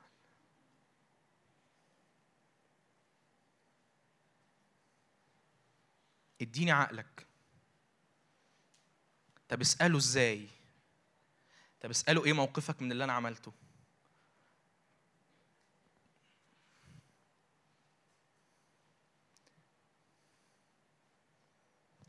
بصوا بصوا غالبا غالبا. أول ما الرب كشف أو فتح قلب بولس بالمشهد ده طلعت الحاجة اسمعني اللي هي أكتر حاجة شغله شاول في حياته. فاهمين قصدي؟ وغالبا دي وجهة نظر ضعيفة ما تحسبهاش عليا تعليم يعني. غالبا أهو ده السبب اللي خلى الرب يبص على الراجل ده ويقول إيه؟ خسارة ده أتقابل معاه وأغيره. إيه السبب؟ إنه الراجل ده بفهمه الخاطئ كان غيور على الناموس وشايف إن مشيئة الرب إنه يعمل إيه؟ وبيمارس هذه المشيئة بإيه؟ بإخلاص. فغالبا ده رأيي الرب بص على قلبه اللي مليان حب للمشيئة الايه قال له حلو بما إنك بتحب مشيئتي تعال أعرفك إيه هي إيه؟ فأول ما الرب فتش قلبه باللقاء أول ما شاول أدرك إن يسوع هو المسيا هو الرب سبحان الله تلقى أول حاجة طلعت من بقه. أنت الرب؟ أيوه. طب إيه هي مشيئتك؟ ماذا تريد أن أفعل؟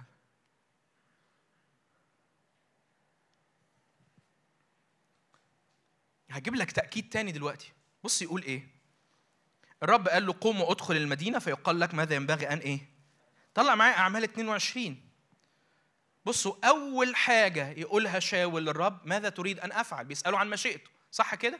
في أعمال 22 وعدد 12 ثم إن حنانية رجلا تقيا حسب الناموس ومشهودا له من الجميع من جميع اليهود السكان. أتى إلي. ده بولس بيحكي.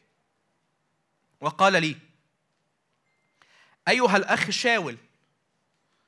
أبصر. ففي تلك الساعة ها عيني اتفتحت نظرت إليه. اسمع بقى. فقال إله آبائنا انتخبك. انتخبك يعني اختارك. أيوة بقى بص بصوا انتخبك عشان تكرز للأمم. اختخ... انتخبك عشان يعني آه تكون رجل آيات وعجائب. انتخبك عشان تكون معلم كبير. انتخبك عشان تكون ساب كل حاجة ويقول له إيه؟ انتخبك. ها. لتعلم مشيئته. حد فاهم حاجة؟ وتبصر مين البار وتسمع صوتا من فمه لأنك ستكون له شاهدا لجميع الناس بما رأيت وسمعت. هو أول ما يشوف الرب يقول له عرفني مشيئتك. والرب لما يبعت له واحد يقول له الرب اختارك مخصوص عشان إيه؟ ده اللي بيخليني أعتقد إن الرب أصلا اختاره ليه؟ إن كان شايفه بيحب جدا المشيئة. فقال له الحب ده حلو بس تعالى حط الحب ده للمشيئة الإيه؟ الحقيقية. صح. ومن اللحظة دي تقدر تعتبر إنه بولس أصبح رجل المشيئة. ها الإلهية عشان كده بولس بولس اسمع من وسط كل الرسل في كل كتابات العهد الجديد تلاقيه مثلا يبدأ آه، كورنثوس الأولى وكورنثوس الثانية وأفسس وكلوسي وتقريبا تيموساوس الثانية. حوالي خمس أو ست رسائل يبدأهم إزاي؟ بولس رسول يسوع المسيح بمشيئة الله. طبعا في ناس بتقراها إن هو إيه زي ما إحنا بنقول في المجتمع كده إيه أنا أنا رامي إن شاء الله. في ناس كده يعني. فبيفتكروا إن بولس يعني إيه أنا بولس إن شاء الله يعني ربنا يقدم اللي فيه الخير. لا أنتوا مش فاهمين هو بيقول إيه؟ اسمع اسمع. هو أعمق جوع في قلبه إنه يعرف ويتمم الإيه؟ المشيئة. لما الرب يتقابل معاه أول حاجة يقولها للرب يقول له إيه؟ عرفني المشيئة. لما الرب يبعت له حنانية حنانية يقول له الرب اختارك مخصوص عشان تعرف الإيه؟ المشيئة. فالراجل عاش من اللحظة دي ها؟ شايف إن مرجعية كل حاجة بيعملها هي المشيئة الإلهية. أنتوا فاهمين قصدي؟ أنا بولس رسول عشان المشيئة الإلهية عايزاني رسول.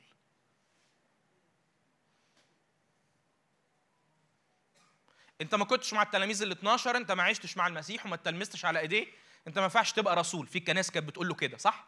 في كنايس كانت بتقول له كده. هو يرد يقول لهم إيه؟ أنا ليه دعوة باللي مشي ولا ما مشيش؟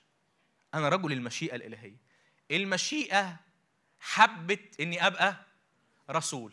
فأنا بقيت أعملوا ما بدلكم. واسمعوني بالنسبة لي بالنسبة لي دي واحدة من نقط القوة اللي عند بولس ونقط القوة اللي أنا مستنيها في جيلنا. إيه هي؟ إنه لأنك مدرك تماما إن كل اللي بتعمله مرجعيته المشيئة الإلهية ها أنت مش بيهزك أي حاجة. ولا أي حد ولا أي حدث. فاهمين قصدي؟ ليه؟ ولو انقلبت الجبال إلى قلب البحار أنا في المشيئة الإلهية.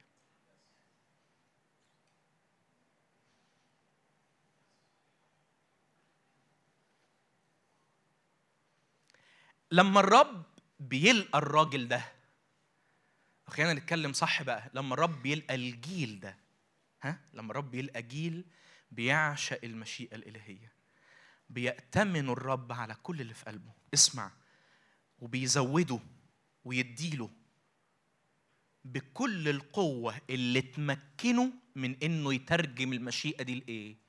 لحياة. تاني أنتوا معايا؟ لما الرب بيلقى رجل المشيئة الإلهية بيأتمنوا على كل اللي في قلبه من مقاصد وتكليفات و و و ورأي الرب عايز يثبته ويتممه في الأرض. وعشان عارف إن المشيئة دي محتاجة قوة فالرب بيزودك بكل القوة اللي تمكنك من إنك تترجم مشيئته إلى حياة. من الآخر كده لما الرب بيلقى رجل المشيئة الإلهية الرب بيستجدع معاه قوي. عارفين يعني إيه يستجدع معاه؟ أقولها لكم بطريقة تانية. لما الرب بيلقى واحد مش واكل عقله في الحياة غير إنه يقول للرب أنت عايز إيه؟ لما الرب يلقى الشخص ده بيروح معرفه مشيئته وبعدين يقول له إيه؟ قول لي بقى. أنت عايز إيه؟ أنت فاهمين قصدي؟ أنت فاهمين قصدي؟ واللي تطلبه ها؟ ما تأخرش عليك. ليه؟ لأن أنا كل ما بطلب حاجة ما بتتأخرش عليا. اسمعوني. وطلباتك أولوية عندي. كل ما تحتاجه من قوة من نعمة من معونة من سلطان من هيبة من حكمة من بصيرة مفتوحة من مواهب الروح القدس من ثمر من كرامة. كل اللي تحتاجه بالنسبة لي أولوية. ليه؟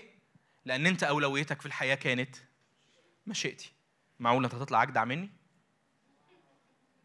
أنتوا فاهمين؟ واحد بينام ويقوم مفيش حاجة واكلة عقله غير الرب عايز إيه؟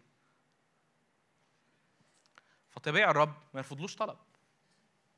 والجميل بقى إنه لما بيطلب مستحيل يطلب حاجة بره هللويا.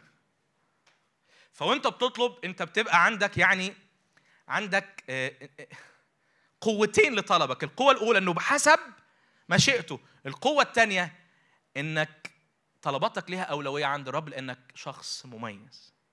أنت من رجال المشيئة الإلهية.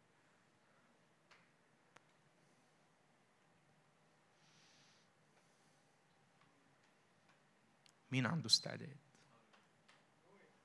مين عنده استعداد؟ مين يقول له أنا يا رب أنا أنا أنا أمد إيدي. وأنت تمنطقني. تحملني إلى حيث أشاء لا أشاء سيبك مني. المهم إلى حيث أنت تشاء اسمع الموقف ده من حياة بولس. طلع معاه سفر الأعمال أصحاح 20 قديس بولس وهو بيودع الخدام بتوع كنيسة أفسس يقول لهم حاجة قوية قوي. يقول لهم إيه؟ أعمال 20 عدد 22 فاكرين لما قلت لكم إنه لما الرب يسوع قال لبطرس تمد يدك؟ قلت لكم مين اللي بيقيدنا لما بنمد إيدينا؟ الروح القدس. جبت منين الكلام ده؟ بصوا بولس يقول إيه؟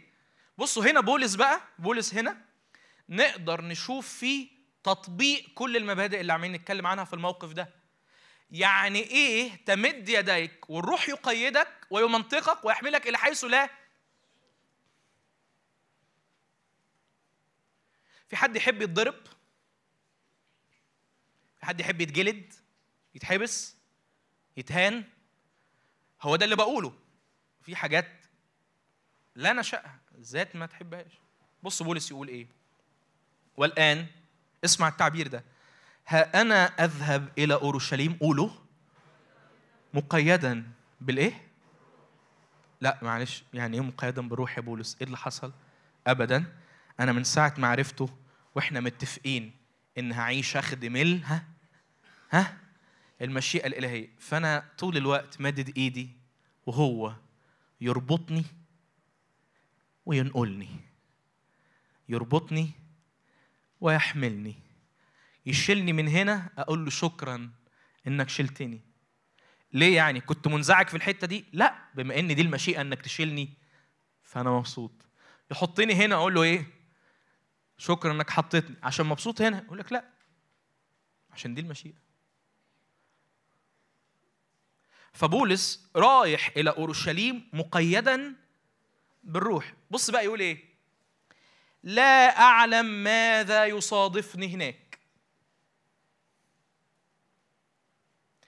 طبعا أحيانا أشعر إن لو بولس في وسطينا وإحنا في مجموعة مثلا وبنتشارك وبولس قال إيه؟ أنا أذهب إلى الفيوم مقيدا بالروح أي حتة يعني. أو المنيا أكيد بولس هيحب يجي المنيا أكتر من الفيوم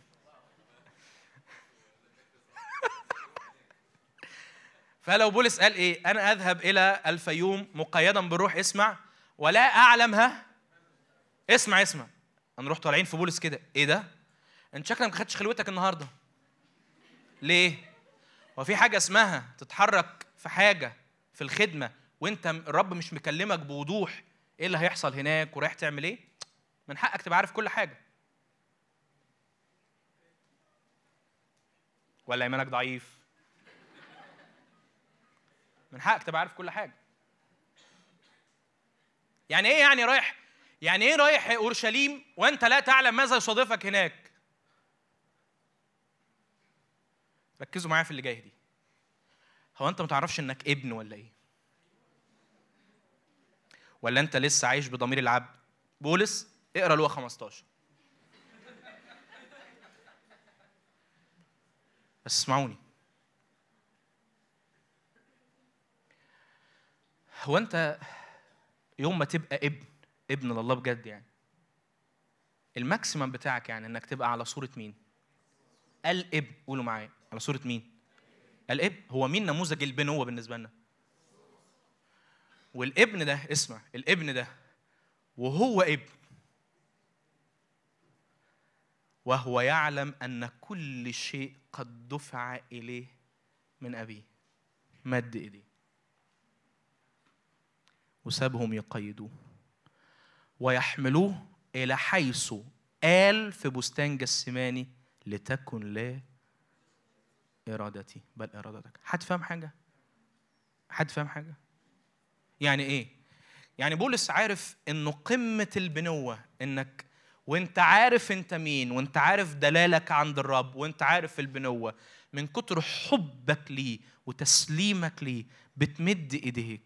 وتسيبه يقيدك ويحركك وانت بتثق فيه تماما لأنك ابن. هتفهم حاجة؟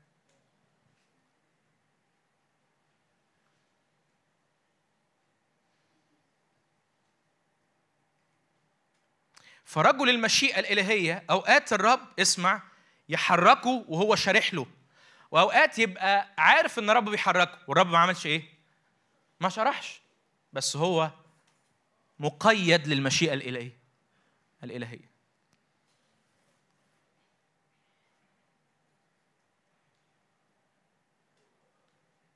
أنا معاك.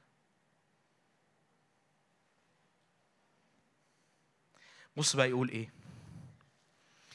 فاكرين إحنا بدأنا بإنه خلاص الأنا ما بيبقاش ليها مكان وبالتالي ملهاش حسابات. بص بولس يقول إيه؟ غير أن الروح القدس عدد 23 يشهد في كل مدينة قائلا إن وثقا وشدائد تنتظرني يعني الرب ساب كل الأحداث اللي هتحصل في أورشليم وما أخبروش غير بالإيه؟ هتضطهد وتتألم هناك. يعني عارف لما لو الرب راح قال له كده قال له بص يا بولس في حاجات حلوة هتحصل وفي حاجات وحشة. قال له يا رب ابدأ بالوحش. قال له لا هو أنا مش هعلن لك غير الوحش. فأنا لا أعلم ماذا يصادفني هناك يا دوبك بس الرب قال لي إن إيه؟ إن في وثق وشدائد تنتظرني. وهو أنا بحبك وعايش لأجل مشيئتك. خدني هناك ويصادفني ما أنا لست أحتسب ها العدد اللي بعده. 24 ولكنني لست أحتسب ها مش حاطط حسابات لأي حاجة ولا عايل هم أي حاجة ولا حاطط في اعتباري أي حاجة. يعملوا اللي يعملوه هناك. لست أحتسب لشيء. قولوا اللي جاية دي. ولا نفسي ثمينة عندي. أمال إيه اللي ثمين عندك؟ قولوا. المشيئة الإلهية.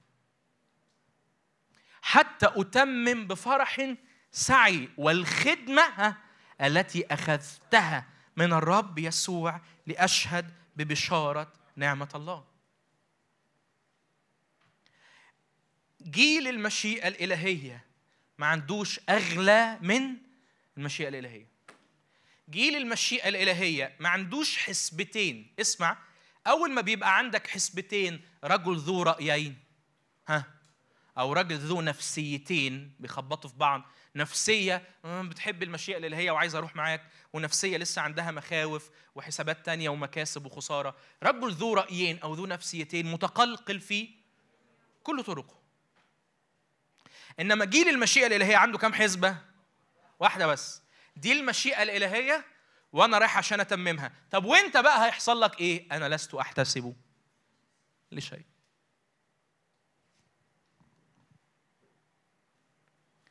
بس ده صعب. مين متفق معاه إنه صعب؟ اي بس اللي إحنا طالبينه من الرب غالي. مين متفق معاه إنه غالي؟ فبديهي إن الغالي تكون تكلفته. ها؟ صعبة. بس خليك فاكر إنه في آخر يمنطقك ويعمل إيه؟ هيحملني. هيحملني. عارف يعني إيه يحملك أوقات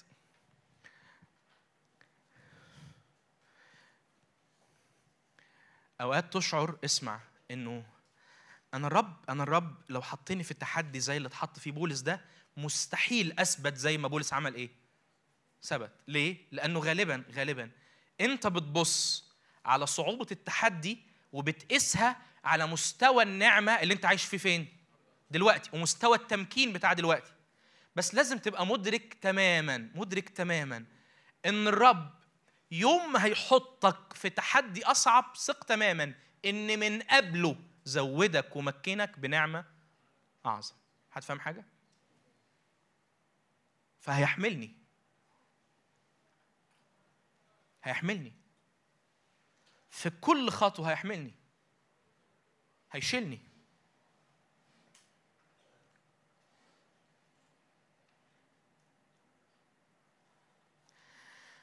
مزمور 40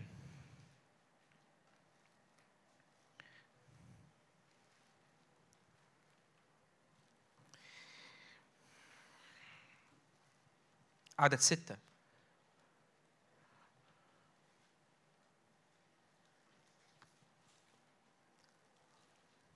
في مزمور 40 و- و- وأغلبنا حافظ مزمور 40 انتظارا انتظرت الرب وبنرنمه كتير صح؟ ففي مزمور 40 مزمور عبارة عن اختبار في حركة. بداية الاختبار إنه إن في أزمة وأنا انتظرت الرب فالرب مال الي وعمل إيه؟ وسمع صراخي وأخرجني وانتشلني وثبت على صخرة رجلي. فكاتب المزمور آه، آه، في في في تغيرات حصلت جواه في حركة حصلت جواه تبعا الحركة اللي الرب عملها معاه. فبما إنك انتشلتني وأخرجتني وأقمتني أنا عندي محبة كرد فعل. أنا عندي شكر أنا عندي امتنان. فبما إنك عملت فيا كل الحاجات الحلوة دي اسمع يقول إيه؟ بذبيحة وتقدمة ها؟ لم تصر. أمال أمال إيه اللي أنا رايح أقدمه لك يا رب بدل الذبيحة والتقدمة؟ يقول إيه؟ ها؟ حد فاهم هو يقصد إيه؟ تاني تاني. هو بيقول للرب إيه؟ بذبيحة وتقدمة لم يعني يعني هو كأنه عايز يروح يقول للرب إيه إيه أجمل حاجة تحب أقدمها لك؟ أقدم لك ذبيحة وتقدمة؟ راح الرب قال له لا أنا عايز حاجة أغلى من كده. عايز إيه يا رب؟ افتح لي ودانك. هي دي الذبيحة بتاعتي. أنتوا فاهمين؟ يعني كاتب المزمور بيقول إيه اللي أجمل من الذبيحة والتقدمة؟ إنك تعمل إيه للرب؟ قول لي مشيئتك. وده بالظبط اللي حصل في صمويل الأول 15 لما شاول آه، آه، أبقى من خيار الغنم وما حرمش كل الغنائم وما ما ما حرمش آه، أجاج. وصموئيل راح لامه إنه ما سمعش صوت الرب فقال له لا أنا اخذت من خيار الغنم من أجل الذبح للرب إلهك. هقدم للرب ذبايح. فصمويل قال له هل مسرت الرب بالمحرقات والذبائح كما؟ باستماع صوت الرب هو ذا الاستماع أفضل من الذبيحة والإصغاء أفضل من شحم الكباش فهنا المرنم بيقول له كده بذبيحة وتقدمه لم تصر. أذني فتحت محرقة ها وذبيحة لم تطلب. حينئذ قلت اسمع بقى. قال للرب إيه؟ بصوا اللي جاية دي أرجوكم. إحنا ساعات بنقراها إيه. بنلزقها في بعض فبنقول إيه؟ ها أنا ذا جئت بدرج الكتاب مكتوب عني. بس ال- الآية مش كده. الآية بتقول له إيه؟ بص بص. ها أنا ذا جئت نقطة. أيوه عايز إيه؟ يروح هو قال الرب. بدرج الكتاب مكتوب عني أن أفعل مشيئتك. يا إلهي سورة. أنتوا فاهمين تركيبة الآية؟ يعني واحد بيروح للرب كل يوم. عارفين الجندي أو الخادم اللي بيدخل كل يوم لمحضر سيده عشان يستلم الأوردر بتاع اليوم هعمل إيه؟ ها؟ فهو بيقول له ها أنا ذا جئت أنا حاضر أنا جاي لك أنا كلي جاي لك كلي مستني كلي متشوق أسمع أنت عايز مني إيه؟ ها أنا ذا جئت عايز إيه؟ أن أفعل مشيئتك يا إلهي. ها؟ أنتوا نمتوا مني؟ ولا بتفكروا في الماتش؟ جيل المشيئة الإلهية ها؟ مش التربية الرياضية.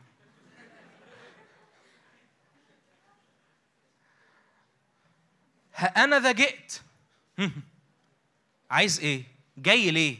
قولوا معايا. أن أفعل مشيئتك يا إلهي. سررت. بصوا آخر الآية بقى ويقول له إيه؟ قولوا معايا. وشريعتك ها؟ في وسط أحشائي. كمل. الآية اللي بعديها يقول إيه؟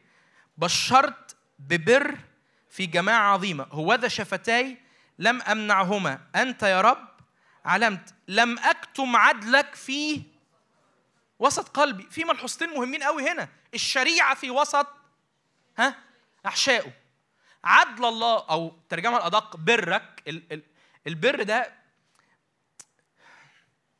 المسطرة أصلا اللي بتطلع منها المشيئة. يعني كل رب عايز يعمله بيبقى طالع من إيه؟ من بره ومنسجم مع بره طبيعته ف- فالشريعة و- و- اللي فيها الأوامر الشريعة اللي فيها الأوامر في وسط أحشائه والبر اللي بيطلع منه المشيئة في وسط إيه؟ قلبه ولأن الشريعة في وسط أحشائه والبر الله في وسط قلبه فكل سروره في الحياة إنه يعمل إيه؟ أن أفعل مشيئتك يا إلهي وده اللي بيخليه كل يوم يروح لرب يقول له إيه؟ ها أنا ذا جئت طبعا الطفل الصغير الطفل الصغير يعني يروح لباباه الصبح يقول له أنا جيت فبابا يقول له عايز إيه يقول له عايز مصاصة عايز شيبسي ده طبيعي لأنه إيه طفل الشاب الكبير لما هيصحى الصبح ويروح لأبوه كده صباح الخير يا بابا صباح النور يقول لي يقول له ها النهارده هنعمل إيه؟ إيه الشغل اللي عندنا النهارده؟ فاهمين أنا أقصد إيه؟ فاهمين أنا أقصد إيه؟ هكذا. ما ده ده اللي كان الرب بي بيشرحه لبطرس. لما كنا أكثر حداثة ها كنا بنروح كل شوية نقول له ها أنا ذا جئت إيه؟ عايز مصاصة. شوف لي بقى احتياجاتي وحاجاتي وتحدياتي واختياراتي. وما تنساش. كريستين ولا مريم؟ بس. لما نتخطى الطفولة الروحية دي اسمع ونروح له ها أنا ذا جئت مش هنقول له اديني مصاصة. هيقول لك عايز إيه؟ هتقول له إيه؟ أن أفعل ها مشيئتك يا إلهي. سوري.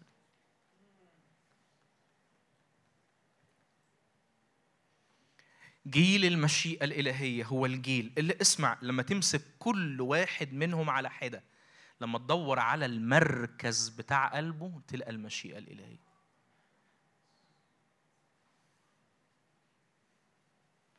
في وسط أحشائه تلقى المشيئة الإلهية. وغالبا أو أكيد ده مش هيحصل إلا لو أنت عشت أصلا أسلوب حياة المركز فيه عموما هو مين؟ يسوع. أشكركم. يعني إيه؟ يعني جيل المشيئة الإلهية هو الجيل اللي اللي اتحرك الأول ناحية إن يسوع يبقى في المركز. مركز الحياة ومركز العلاقات ومركز العبادة ومركز التسبيح ومركز التعليم ومركز الحياة العملية ومركز الشغل ومركز الارتباط. يسوع بالنسبة له هو مركز كل شيء ونتيجة لده يوم بعد يوم ابتدى يبقى في مركز احشائه قلبه ها؟ المشيئة الإلهية. أنتوا فاهمين؟ يعني تخيل لو انت تروح تقول للرب يا رب أنا مشتاق إن مشيئتك تبقى في وسط قلبي. وأنا لسه بعيش بأسلوب حياة مش يسوع المركز فيه. مش هتحصل. مش هتحصل. لكن لما ابتدي أعيش أسلوب حياة يسوع فيه هو المركز هيتحرك تلقائيا مشيئة يسوع وتبقى في مركز قلبي. ليه؟ ليه بولس رجل المشيئة الإلهية واللي بيتحرك مقيدا بالروح وليه الروح بيحمله إلى حيث لا يشاء. ليه قادر يعيش كل ده؟ لأنك تسمع بولس يقول إيه لكرونسوس وأنا لم أعزم أن أعرف شيئا بينكم. ها؟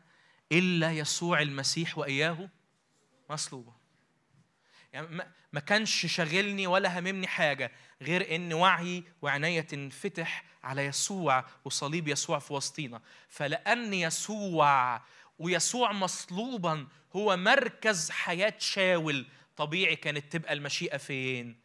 في مركز قلب بولس فاهمين قصدي؟ يعني لو عايز تعرف المشيئة فين في قلبك اسأل ها يسوع فين؟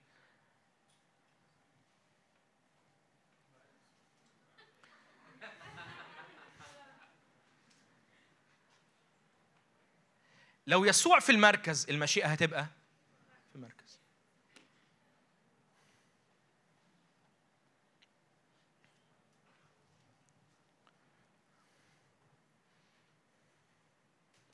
يوحنا سبعة وعدد 16 أو أو آه، تعالوا نطلع صمويل الأول 23 عشان الوقت ف صموئيل الأول أو صموئيل الثاني 23 صموئيل الثاني 23 في مشهد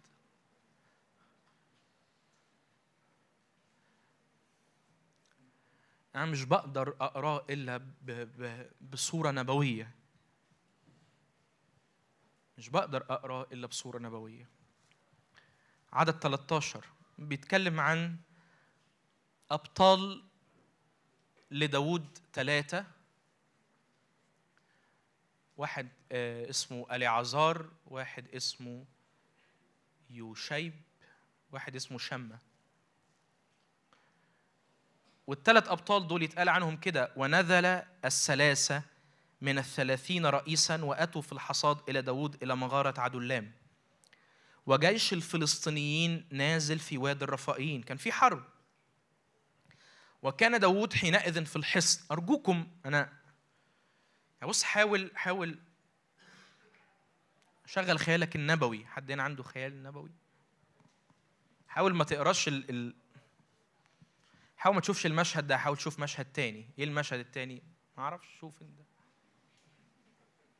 عايز تبقى رجل المشيئة الإلهية ببلاش.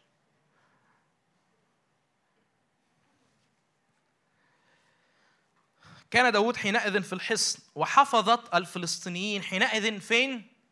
في بيت لحم. اسمع بقى. طبعا داود هنا يعني ما تعرفش إيه إيه اللي طلع في دماغه عشان يقول كده يعني بس مش مشكلة يعني. داود بقى يقول إيه؟ فتأوه داود تأوه ده اللي هو قال, قال إيه؟ آه يمين دلوقتي يجيب لي كاس مية من البئر اللي عند الباب في بيت لحم. قطعة المية اللي في الدنيا يعني دلوقتي. نفسك ما راحتش غير للمية اللي في البير اللي حواليه مين؟ الفلسطينيين المعسكر. ده طلب صعب جدا. بس اسمعوني في حاجة غريبة هنا في حاجة غريبة. القصة القصة مش في صعوبة تأدية الطلب. القصة إنه الطلب قبل صعوبته لما تفكر فيه ما تحسوش إن حاجة إيه يعني هيموت داود يعني لو ما جبنالوش المية دي؟ الطلب تحس إنه إيه؟ يعني مش عايز أقول الكلمة يعني بس تحسه صغير مشيها صغير. عشان الصورة النبوية بس اللي وراها مشيها صغير. طلب. فهنا الصعوبة بتزداد. ليه؟ لأنه يعني فاكرين لما كنت بقول لكم من شوية اللي إحنا منتظرين الرب يعمله في حياتنا غالي فلأنه غالي ها مفيش مشكلة إن إحنا نعيش أسلوب حياة إيه؟ صعب المشكلة بقى لما يبقى تنفيذ الطلب صعب والطلب ما تحسوش يعني إنه غالي قوي أنت فاهم؟ بس في ثلاث رجالة أبطال برضو زي ما تعرفش إيه اللي طلع في دماغ داود عشان يطلب الطلب ده ما تعرفش إيه اللي في دماغ الثلاث رجالة دول. يعني دول يا مجانين يا مجانين. بجد. الثلاث رجالة دول وإيه مش مش رجالة يعني دول ثلاث رجالة تقال وجودهم وغيابهم مؤثر يعني مهمين يعني مش عايزينهم يموتوا أنتوا فاهمين؟ يعني الناس اللي زي دول يمشوا ببادي جاردات عشان خايفين على حياتهم. دول دول أعظم ثلاث أبطال عند داوود. الثلاث أبطال دول يقوموا كده ويهزوا طولهم. وأنتوا رايحين فينا يا رجالة إحنا هنخاطر بحياتنا وهنشق محلة الفلسطينيين. ليه؟ عشان نسقي الملك. لأنه هو اسمع في نفسه كده إنه يشرب مية من البير اللي في بيت لحم. أنتوا ممكن تموتوا. آه. أنتوا بتخاطروا بحياتكم. أيوه. أنتوا ناس مهمين على فكرة. إحنا إحنا بنقدركم. أنتوا ناس كبار. مفيش مشكلة. هتخاطروا بحياتكم عشان إيه؟ شهوة في قلب الملك يعني قد كده. أيوه والشهوة اللي في قلب الملك اللي قد كده تستاهل إن أنتوا تخاطروا بحياتكم؟ آه. ليه؟ عشان تقريبا الملك هو كل حياتنا أصلا. أنتوا فاهمين حاجة؟ طبعا مش لازم أشرح صح؟ شفتوا أنتوا الصورة النبوية؟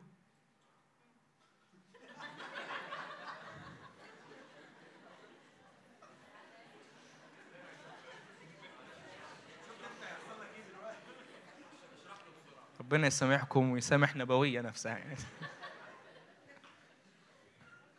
أقول أقول لحضرتك أنا شايف إيه؟ بصي أنا شايف بجد بجد أقول. أنا شايف أنا شايف ناس أنا شايف جيل أنا شايف جيل.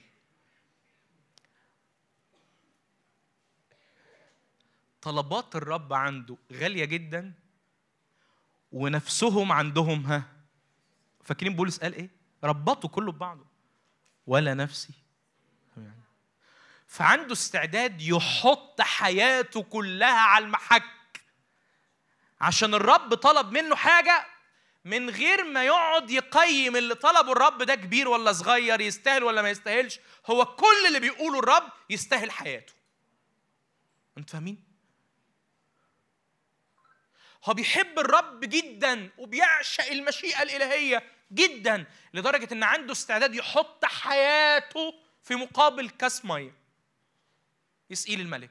يحط حياته في مقابل إنه يتمم للرب أصغر تفصيلة في المشيئة الإلهية.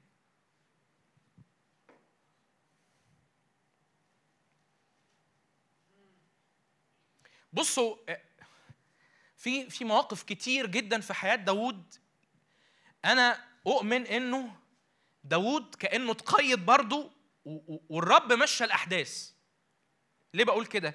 لأن داوود لما جابوا له الميه عارفين عمل إيه؟ أنا ما أقدرش أشرب المية دي. ليه؟ دول كأنهم حطوا حياتهم ونفوسهم مقابل الإيه؟ فالمية دي غلاوتها تساوي إيه؟ نفوسهم. فقال دي أغلى من إن أنا أشربها. دي أسكبها لمين؟ كأنها ذبيحة يعني. طب سؤال وأنت ما خدتش بالك وهم رايحين؟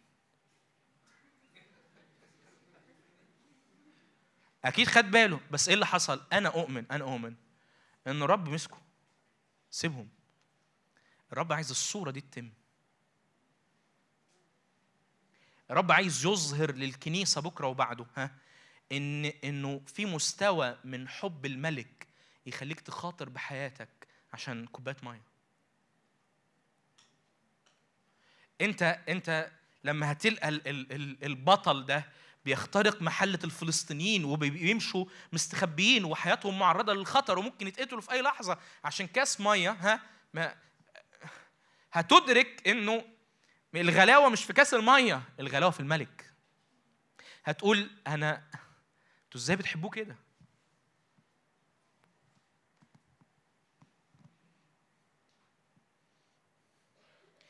جيل المشيئة الإلهية دول الناس اللي بطلوا معلش استحملوني في التعبير القاسي اللي هشوفه اللي هقوله ده. بطلوا يشوفوا مقاصد الرب رخيصة وحياتهم غالية. وبقوا يشوفوا مقاصد الرب غالية ها؟ وحياتهم هي اللي رخيصة عندهم. إن عشنا فللرب نعيش وإن متنا فللرب نموت وإن عشنا وإن متنا فللرب نحن. كان نفسي أكمل بس آه، أنا عارف إنه لينا يعني حدود في القاعة. فنفسي نقف نصلي. تعالوا نقف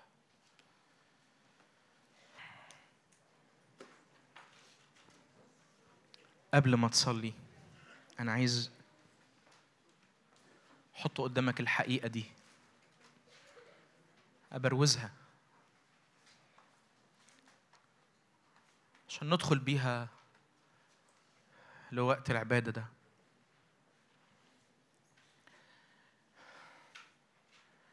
أنت مش محتاج غير إنك اسمع. تحط يسوع في المركز. قولوا أمين. وتطلب من الرب طول الوقت يفتح عينك على صليب المسيح قول أمين وإذا يسوع بقى في المركز مشيئته هتبقى في المركز. وإذا الصليب ما غابش عن عينك اسمع هو ده الحب الصليب هو ده الحب اللي هيحرك قلبك بمحبة للمشيئة الإلهية غصب عنك. غصب عنك. إذا أدركت محبة المسيح ليك اللي ظهرت في الصليب يوم بعد يوم مش هتقدر تعمل حاجة غير إنك تحبه. مش هتقدر. وإن حبيته هتحب مشيئته. اطلب مشيئته دلوقتي. اطلبي مشيئته. قول أنا عايز أعرف مشيئتك. وتسكن مشيئتك في وسط قلبي. شريعتك في وسط أحشائي. ده اللي أنت وعدت بيه. ها أيام تأتي يقول الرب حين أصنع مع بيت إسرائيل عهدا جديدا. لك الذي صنعته مع أبائهم يوم أخذت بيدهم لأخرجهم من أرض مصر.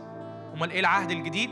قال كده أجعل شريعتي في قلوبهم وأكتبها على أذهانهم. دي طبيعة العهد اللي إحنا عايشين فيه إنه مشيئته تبقى في أعماق قلبك. نفسي بالإيمان حط إيدك على أحشائك كده قول يا رب سكن مشيئتك في هذا المكان. سكن مشيئتك في قلبي سكن مشيئتك في أحشائي. ما يكونش في قلبي إلا مشيئتك ومشيئتك تستحوذ على كل قلبي. أبقى مدمن للمشيئة الإلهية. مدمن للمشيئة الإلهية. مدمن للمشيئة الإلهية. هي اللي تسكنني هي اللي تهديني هي اللي تحسسني إن وجودي ليه معنى. إني بتمم مشيئة الملك. حتى لو هخاطر بحياتي حتى لو هخسر حتى لو هخسر حتى لو هخسر أنا لست أحتسب لشيء. ولا نفسي ثمينه عندي.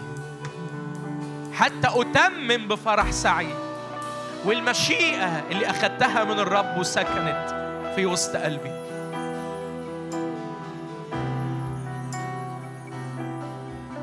جيل المشيئة الإلهية. جيل المشيئة الإلهية. جيل المشيئة الإلهية.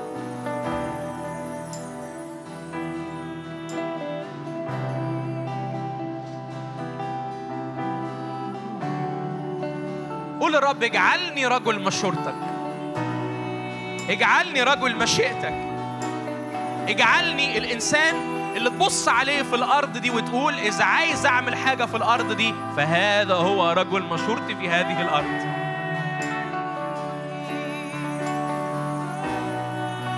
يجعلك الرب امرأة مشورته امرأة مشيئته حسب قلبه.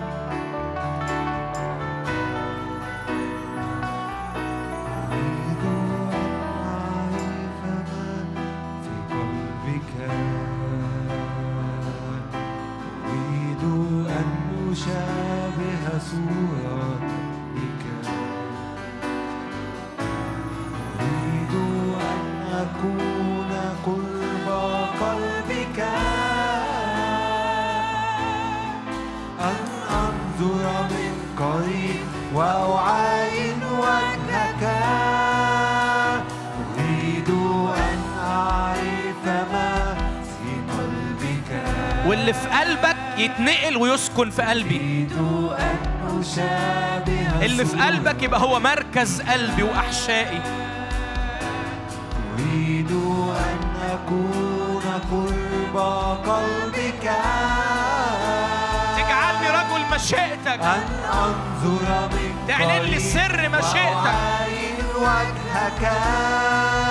الوقت قد حان. الوقت قد المشيئة الإلهية. طلبي وجهك الوقت قد حان. يا مشتاق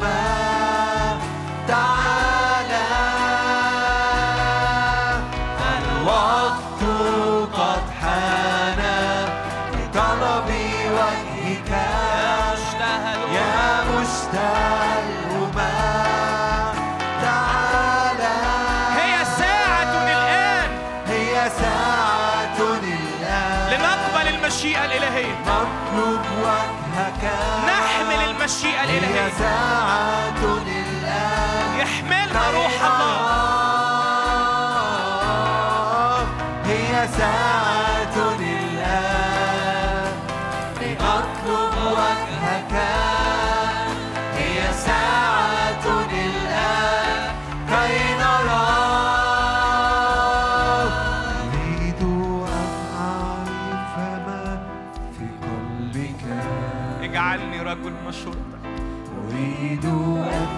اجعلني من أبطالك.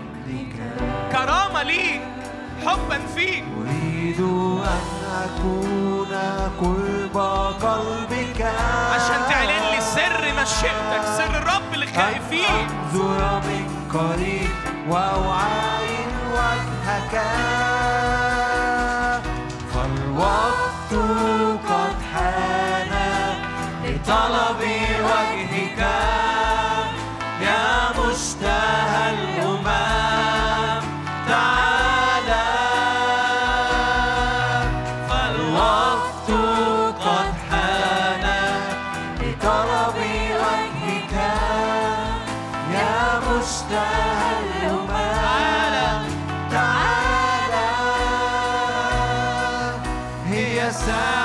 ساعة الآن لنطلب وجهك. هي ساعة الآن كي نراك هي ساعة الآن الآن. نختار الآن المشيئة الإلهية. نختار المشيئة الإلهية. نختار الآن المشيئة الإلهية. هي ساعة الآن. نطلب وجهك. هي ساعة الآن. كي نراك عايز أشجعك أوعى تفاصل أوعى تفاصل أوعى تفاصل واوعى تسيب في اللحظات دي أي مكان لحركة الجسد أي مساحة للذات تتحرك فيها. أي مساحة لمشيئتك الشخصية تتحرك فيها. أنا نفسي أشجعك كده افرد إيديك الاتنين كأنك مصلوب مع المسيح. وقول مع بولس مع المسيح صلبت فأحيا لا أنا لا أنا لا أنا لا أنا بل المسيح يحيا فيا. ومن هنا ورايح مش أنا اللي أمنطق نفسي وأمشي حيث أشاء. من هنا ورايح مش أنا اللي أمنطق نفسي وأمشي حيث أشاء. من هنا ورايح مش أنا اللي أمنطق نفسي وأمشي حيث يشاء. ولا خطوة بالجسد ولا خطوة بالنفسنة ولا خطوة بحكمة أرضية ولا خطوة بثقافة الناس ولا خطوة بأعمال الجسد. أمد يدي للروح القدس. ارفع عينيك للرب وقول يا روح الله قيدني قيدني قيدني وأنت تحملني إلى حيث أنت تريد وتشاء. فأكون رجل المشيئة الإلهية.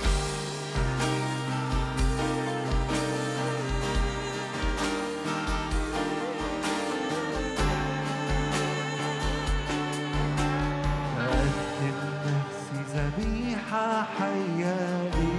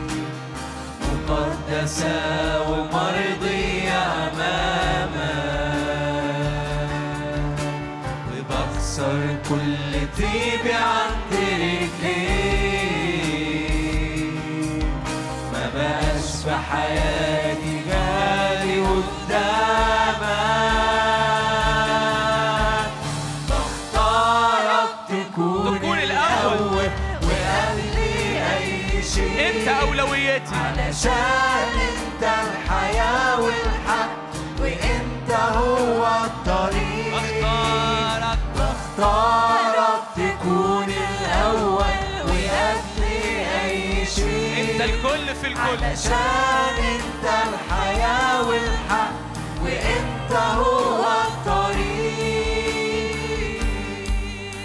بكسر كل إناء كل إله عبدته معاه وعن ذاتي. أعلن سلطانك على قلبي محدش ليه كلمة في حياتي إلا أنت. روحك يشفي ارتدادي قدسني محدش يكون له كلمة في حياتي إلا أنت. اصنعني إله يحمل مجد معرفش آلهة غيرك. عن كل إله عبدته معاه يكون القلب ليك وحدك. أعلن سلطانك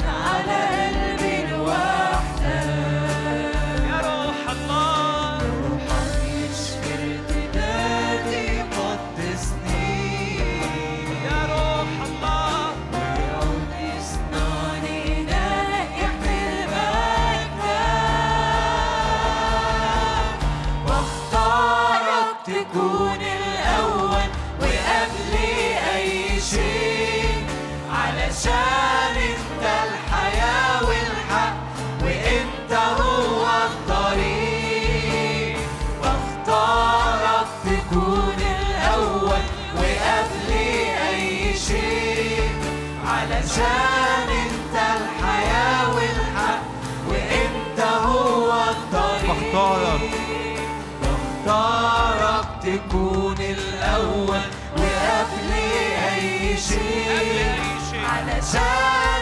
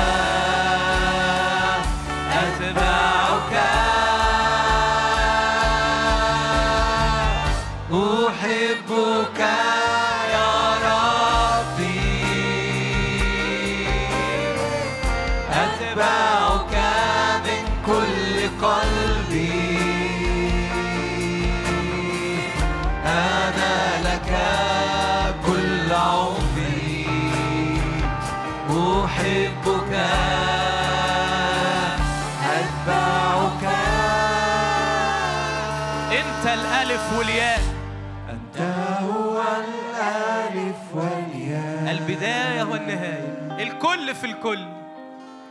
الخبز النازل من السماء مبارك اسمك بدمك طهرتني. عهدا جديدا صنعت لي.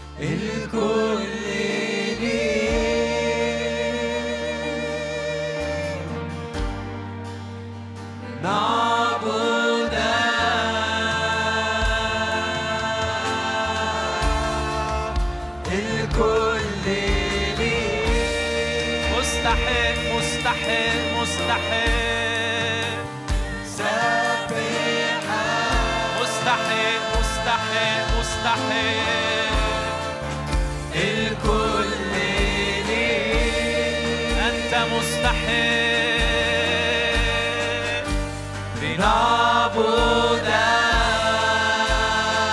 الكل ليك بيسبحك.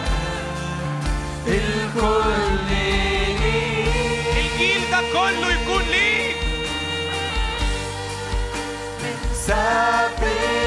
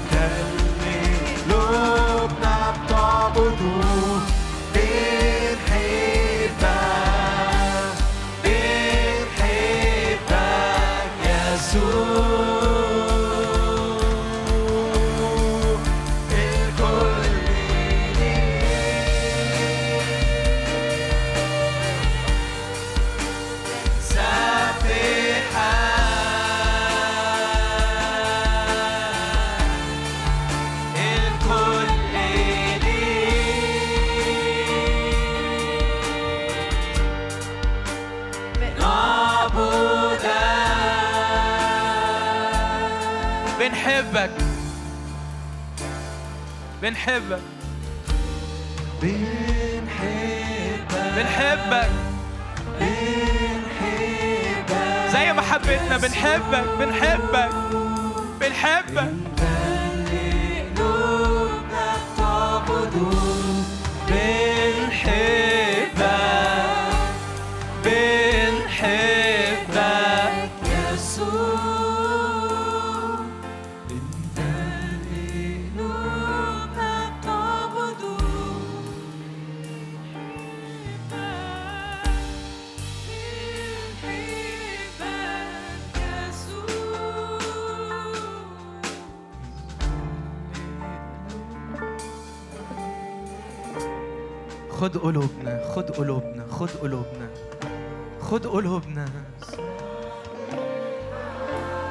قلوبنا يا سيدنا الملك خد قلوبنا خد قلوبنا خد كل قلوبنا خد قلوبنا خد قلوبنا خد قلوبنا خد قلوبنا خد قلوبنا.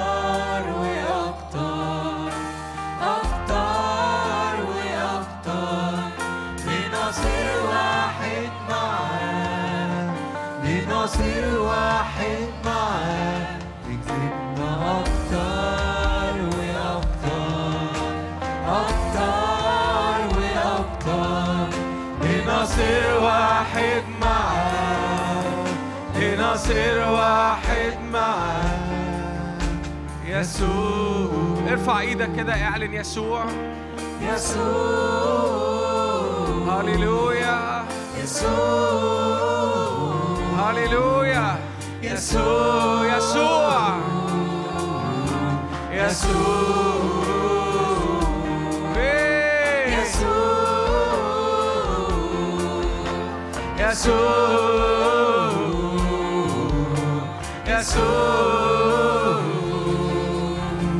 يسوع هللويا اعلن محبتك لشخص واحد اسمه يسوع.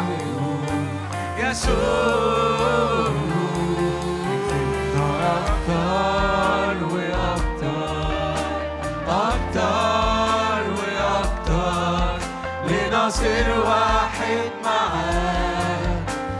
لنصير واحد معاك. اكسبنا أكتر وأكتر. أكتر وأكتر. لنصير واحد معاك. هللويا لنصير واحد معاك. هللويا هللويا هللويا هللويا. اعلن يسوع اعلن محبته. هللويا هللويا اعلن سيادته على حياتك. هللويا اللحظات دي لحظات غالية جدا. يمكن يكون شكلنا بنختم الاجتماع.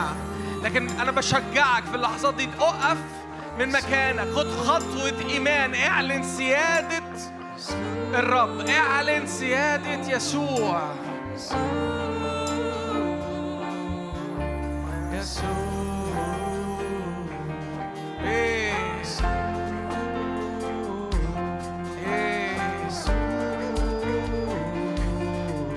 من الآن من الآن من الآن. تنبأ تنبأها على حياتك.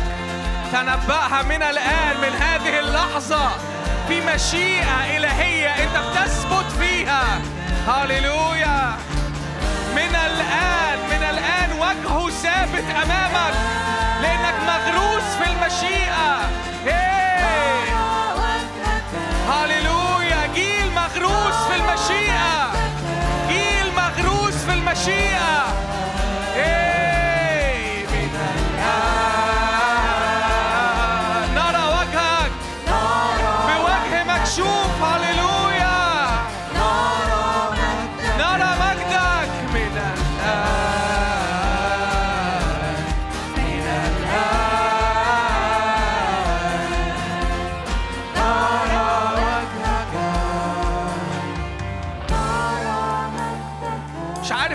بس أنا وأنا بطلع كده و... ولسه أخويا رامي كان لسه بيصلي كنت شايف القاعة مليانة بخور. كنت شايف كده إنه في صلوات قديسين بتملأ هذه القاعة في قلوب مليانة بمحبة بتتذبح قدام الرب بتتحط قدام الرب كذبيحة قدام الرب. فأنا عايز أشجعك إنه في حاجة بتحصل في حاجة بتحصل في ابجريد بيحصل في الروح في ابجريد بيحصل في الجسد. هللويا كأنه القاعة مليانة دخان مليانة دخان محبة لأنه في ذبيحة بتتحط على المذبح في قلوب بتقرر النهاردة أن هي تقول يا رب أنت تزيد وأنا أنقص يا رب أثبت في المشيئة يا رب أثبت أكتر وأكتر في المشيئة. أنت شهوة قلبي. هللويا هللويا هللويا هللويا هللويا هللويا هللويا هاليلويا في علامة في شهادة في هذا المكان إنه في ذبيحة حية للرب اسمها لتكن مشيئتك لتكن مشيئة الرب. هاليلويا هاليلويا هاليلويا فمعلش عايز استأذنك كده وإحنا بنختم الاجتماع اقف معايا لو انت قاعد. معلش عايز استأذنك تقف معايا لو انت قاعد. ارفع إيدك كده معايا. قول يا رب لتكن مشيئتك لتنجح مشيئتك في حياتي. ليكن ليك قولك ليكن ليك قولك. يا رب اكشف لي أكتر وأكتر عن المشيئة في الأسبوع دوا يا رب أنا عايز هذه المشيئة كانها تستعلن في كل مكان أنا بتحرك فيه. يا رب ما أكونش بره المشيئة في أي لحظة في أي يوم من هذه السبع أيام في هذا الأسبوع. يا رب دربني في الأسبوع ده. صلي معايا هذه الصلوات. ارفع إيدك معايا. قول يا رب أنا بعلن كده يا رب على حياتي موسم تدريب للمشيئة الإلهية. يا رب أسلك كجيل يا رب أمامك. أسلك يا رب في هذا جيل جيل يسوع اللي بيخرج ورا مشيئتك اللي بيتحرك ورا مشيئتك. صلي هذه الصلوات على حياتك. أرجوك. اعلن كده اعلن مشيئة الرب على حياتك بالكامل غطي حياتك أو بمعنى آخر خد حياتك كده واستخبى تحت المشيئة. قول يا رب أي حاجة بره المشيئة أنا مش عايزها. أي حاجة بره المشيئة أنا مش عايزها. أي حاجة بره المشيئة أنا مش عايزها أنا برفضها. يا رب تعالى أص أص أص أص أص أص هذبني هذبني ادبني أمامك فأسلك في المشيئة. هللويا هللويا. كأني شاعر كده أنا عايز أقول لك الرب مشغول قوي إنه يكرس السبع أيام دول لحد يوم الحد الجاي بتدريبات عملية بأمور عملية. الرب هيكشفها لك بأمور عملية. أنت محتاج تكون زي ما كان أخويا رامي بيقول كده ادخل افتح أذنيك. قول يا رب أنا جيت أسمع اللي أنت عايز تقوله. صلي كده الأوقات ال quiet time بتاعك أوقات الخلوة بتاعتك في الأسبوع دوت صلي لكل مقابلات لكل نزولات لكل خروجات لكل مرة حتى أنت قاعد لوحدك في الأوضة ومستلقي ومفيش حاجة بتعملها. قول يا رب أنا عايز حتى الوقت دوت المشيئة تكون شاغلة قلبي. المشيئة تكون شاغلة ذهني. هللويا هللويا هللويا هللويا. هللويا هللويا هللويا هللويا هللويا هللويا هللويا هللويا هللويا هللويا كأنك بتثبت أمر. كأنك بتعلن اتفاقك الليلة مع الرب تكريس تكريس خاص. هللويا هللويا هللويا هللويا هللويا هللويا. اطلب نعمة من الرب لأنه مش بدراعك لأنه مش بإيديك أنت هتعمل ده. قول له يا روح الله تعالى اسكب نعمة في قلبي. أنا محتاج نعمة لتأخذني إلى حيث أنت تريد. هللويا هللويا. صلي معايا هذه الصلوات يا رب. أنا عايز نعمة زيادة. أنا عايز نعمة زيادة. افتح إيدك كده قدامك زي ما أخويا رامي كان بيقول. تعالى كده افتح إيدك قدامك قول يا رب املأ إيديا بالنعمة. املأ إيديا بالنعمة. أنا ما أعرفش أعمل ده لوحدي. هي صعبة. هي صعبة قوي أنا ما أقدرش أسيب الكل وأمشي وراك لوحدي بدماغي بإرادتي بقوتي. أنا عايز أعملها بقوتك أنت. فأطلب نعمة الرب. اطلب نعمة الرب. اطلب نعمة الرب. قول يا رب أنا باجي عند الصليب وبطلب نعمة. أنا باجي الليلة دي عند الصليب وبعلن إن السبع أيام الجايين دول يكونوا في المشيئة. بالنعمة بالنعمة بالنعمة بالنعمة بالنعمة.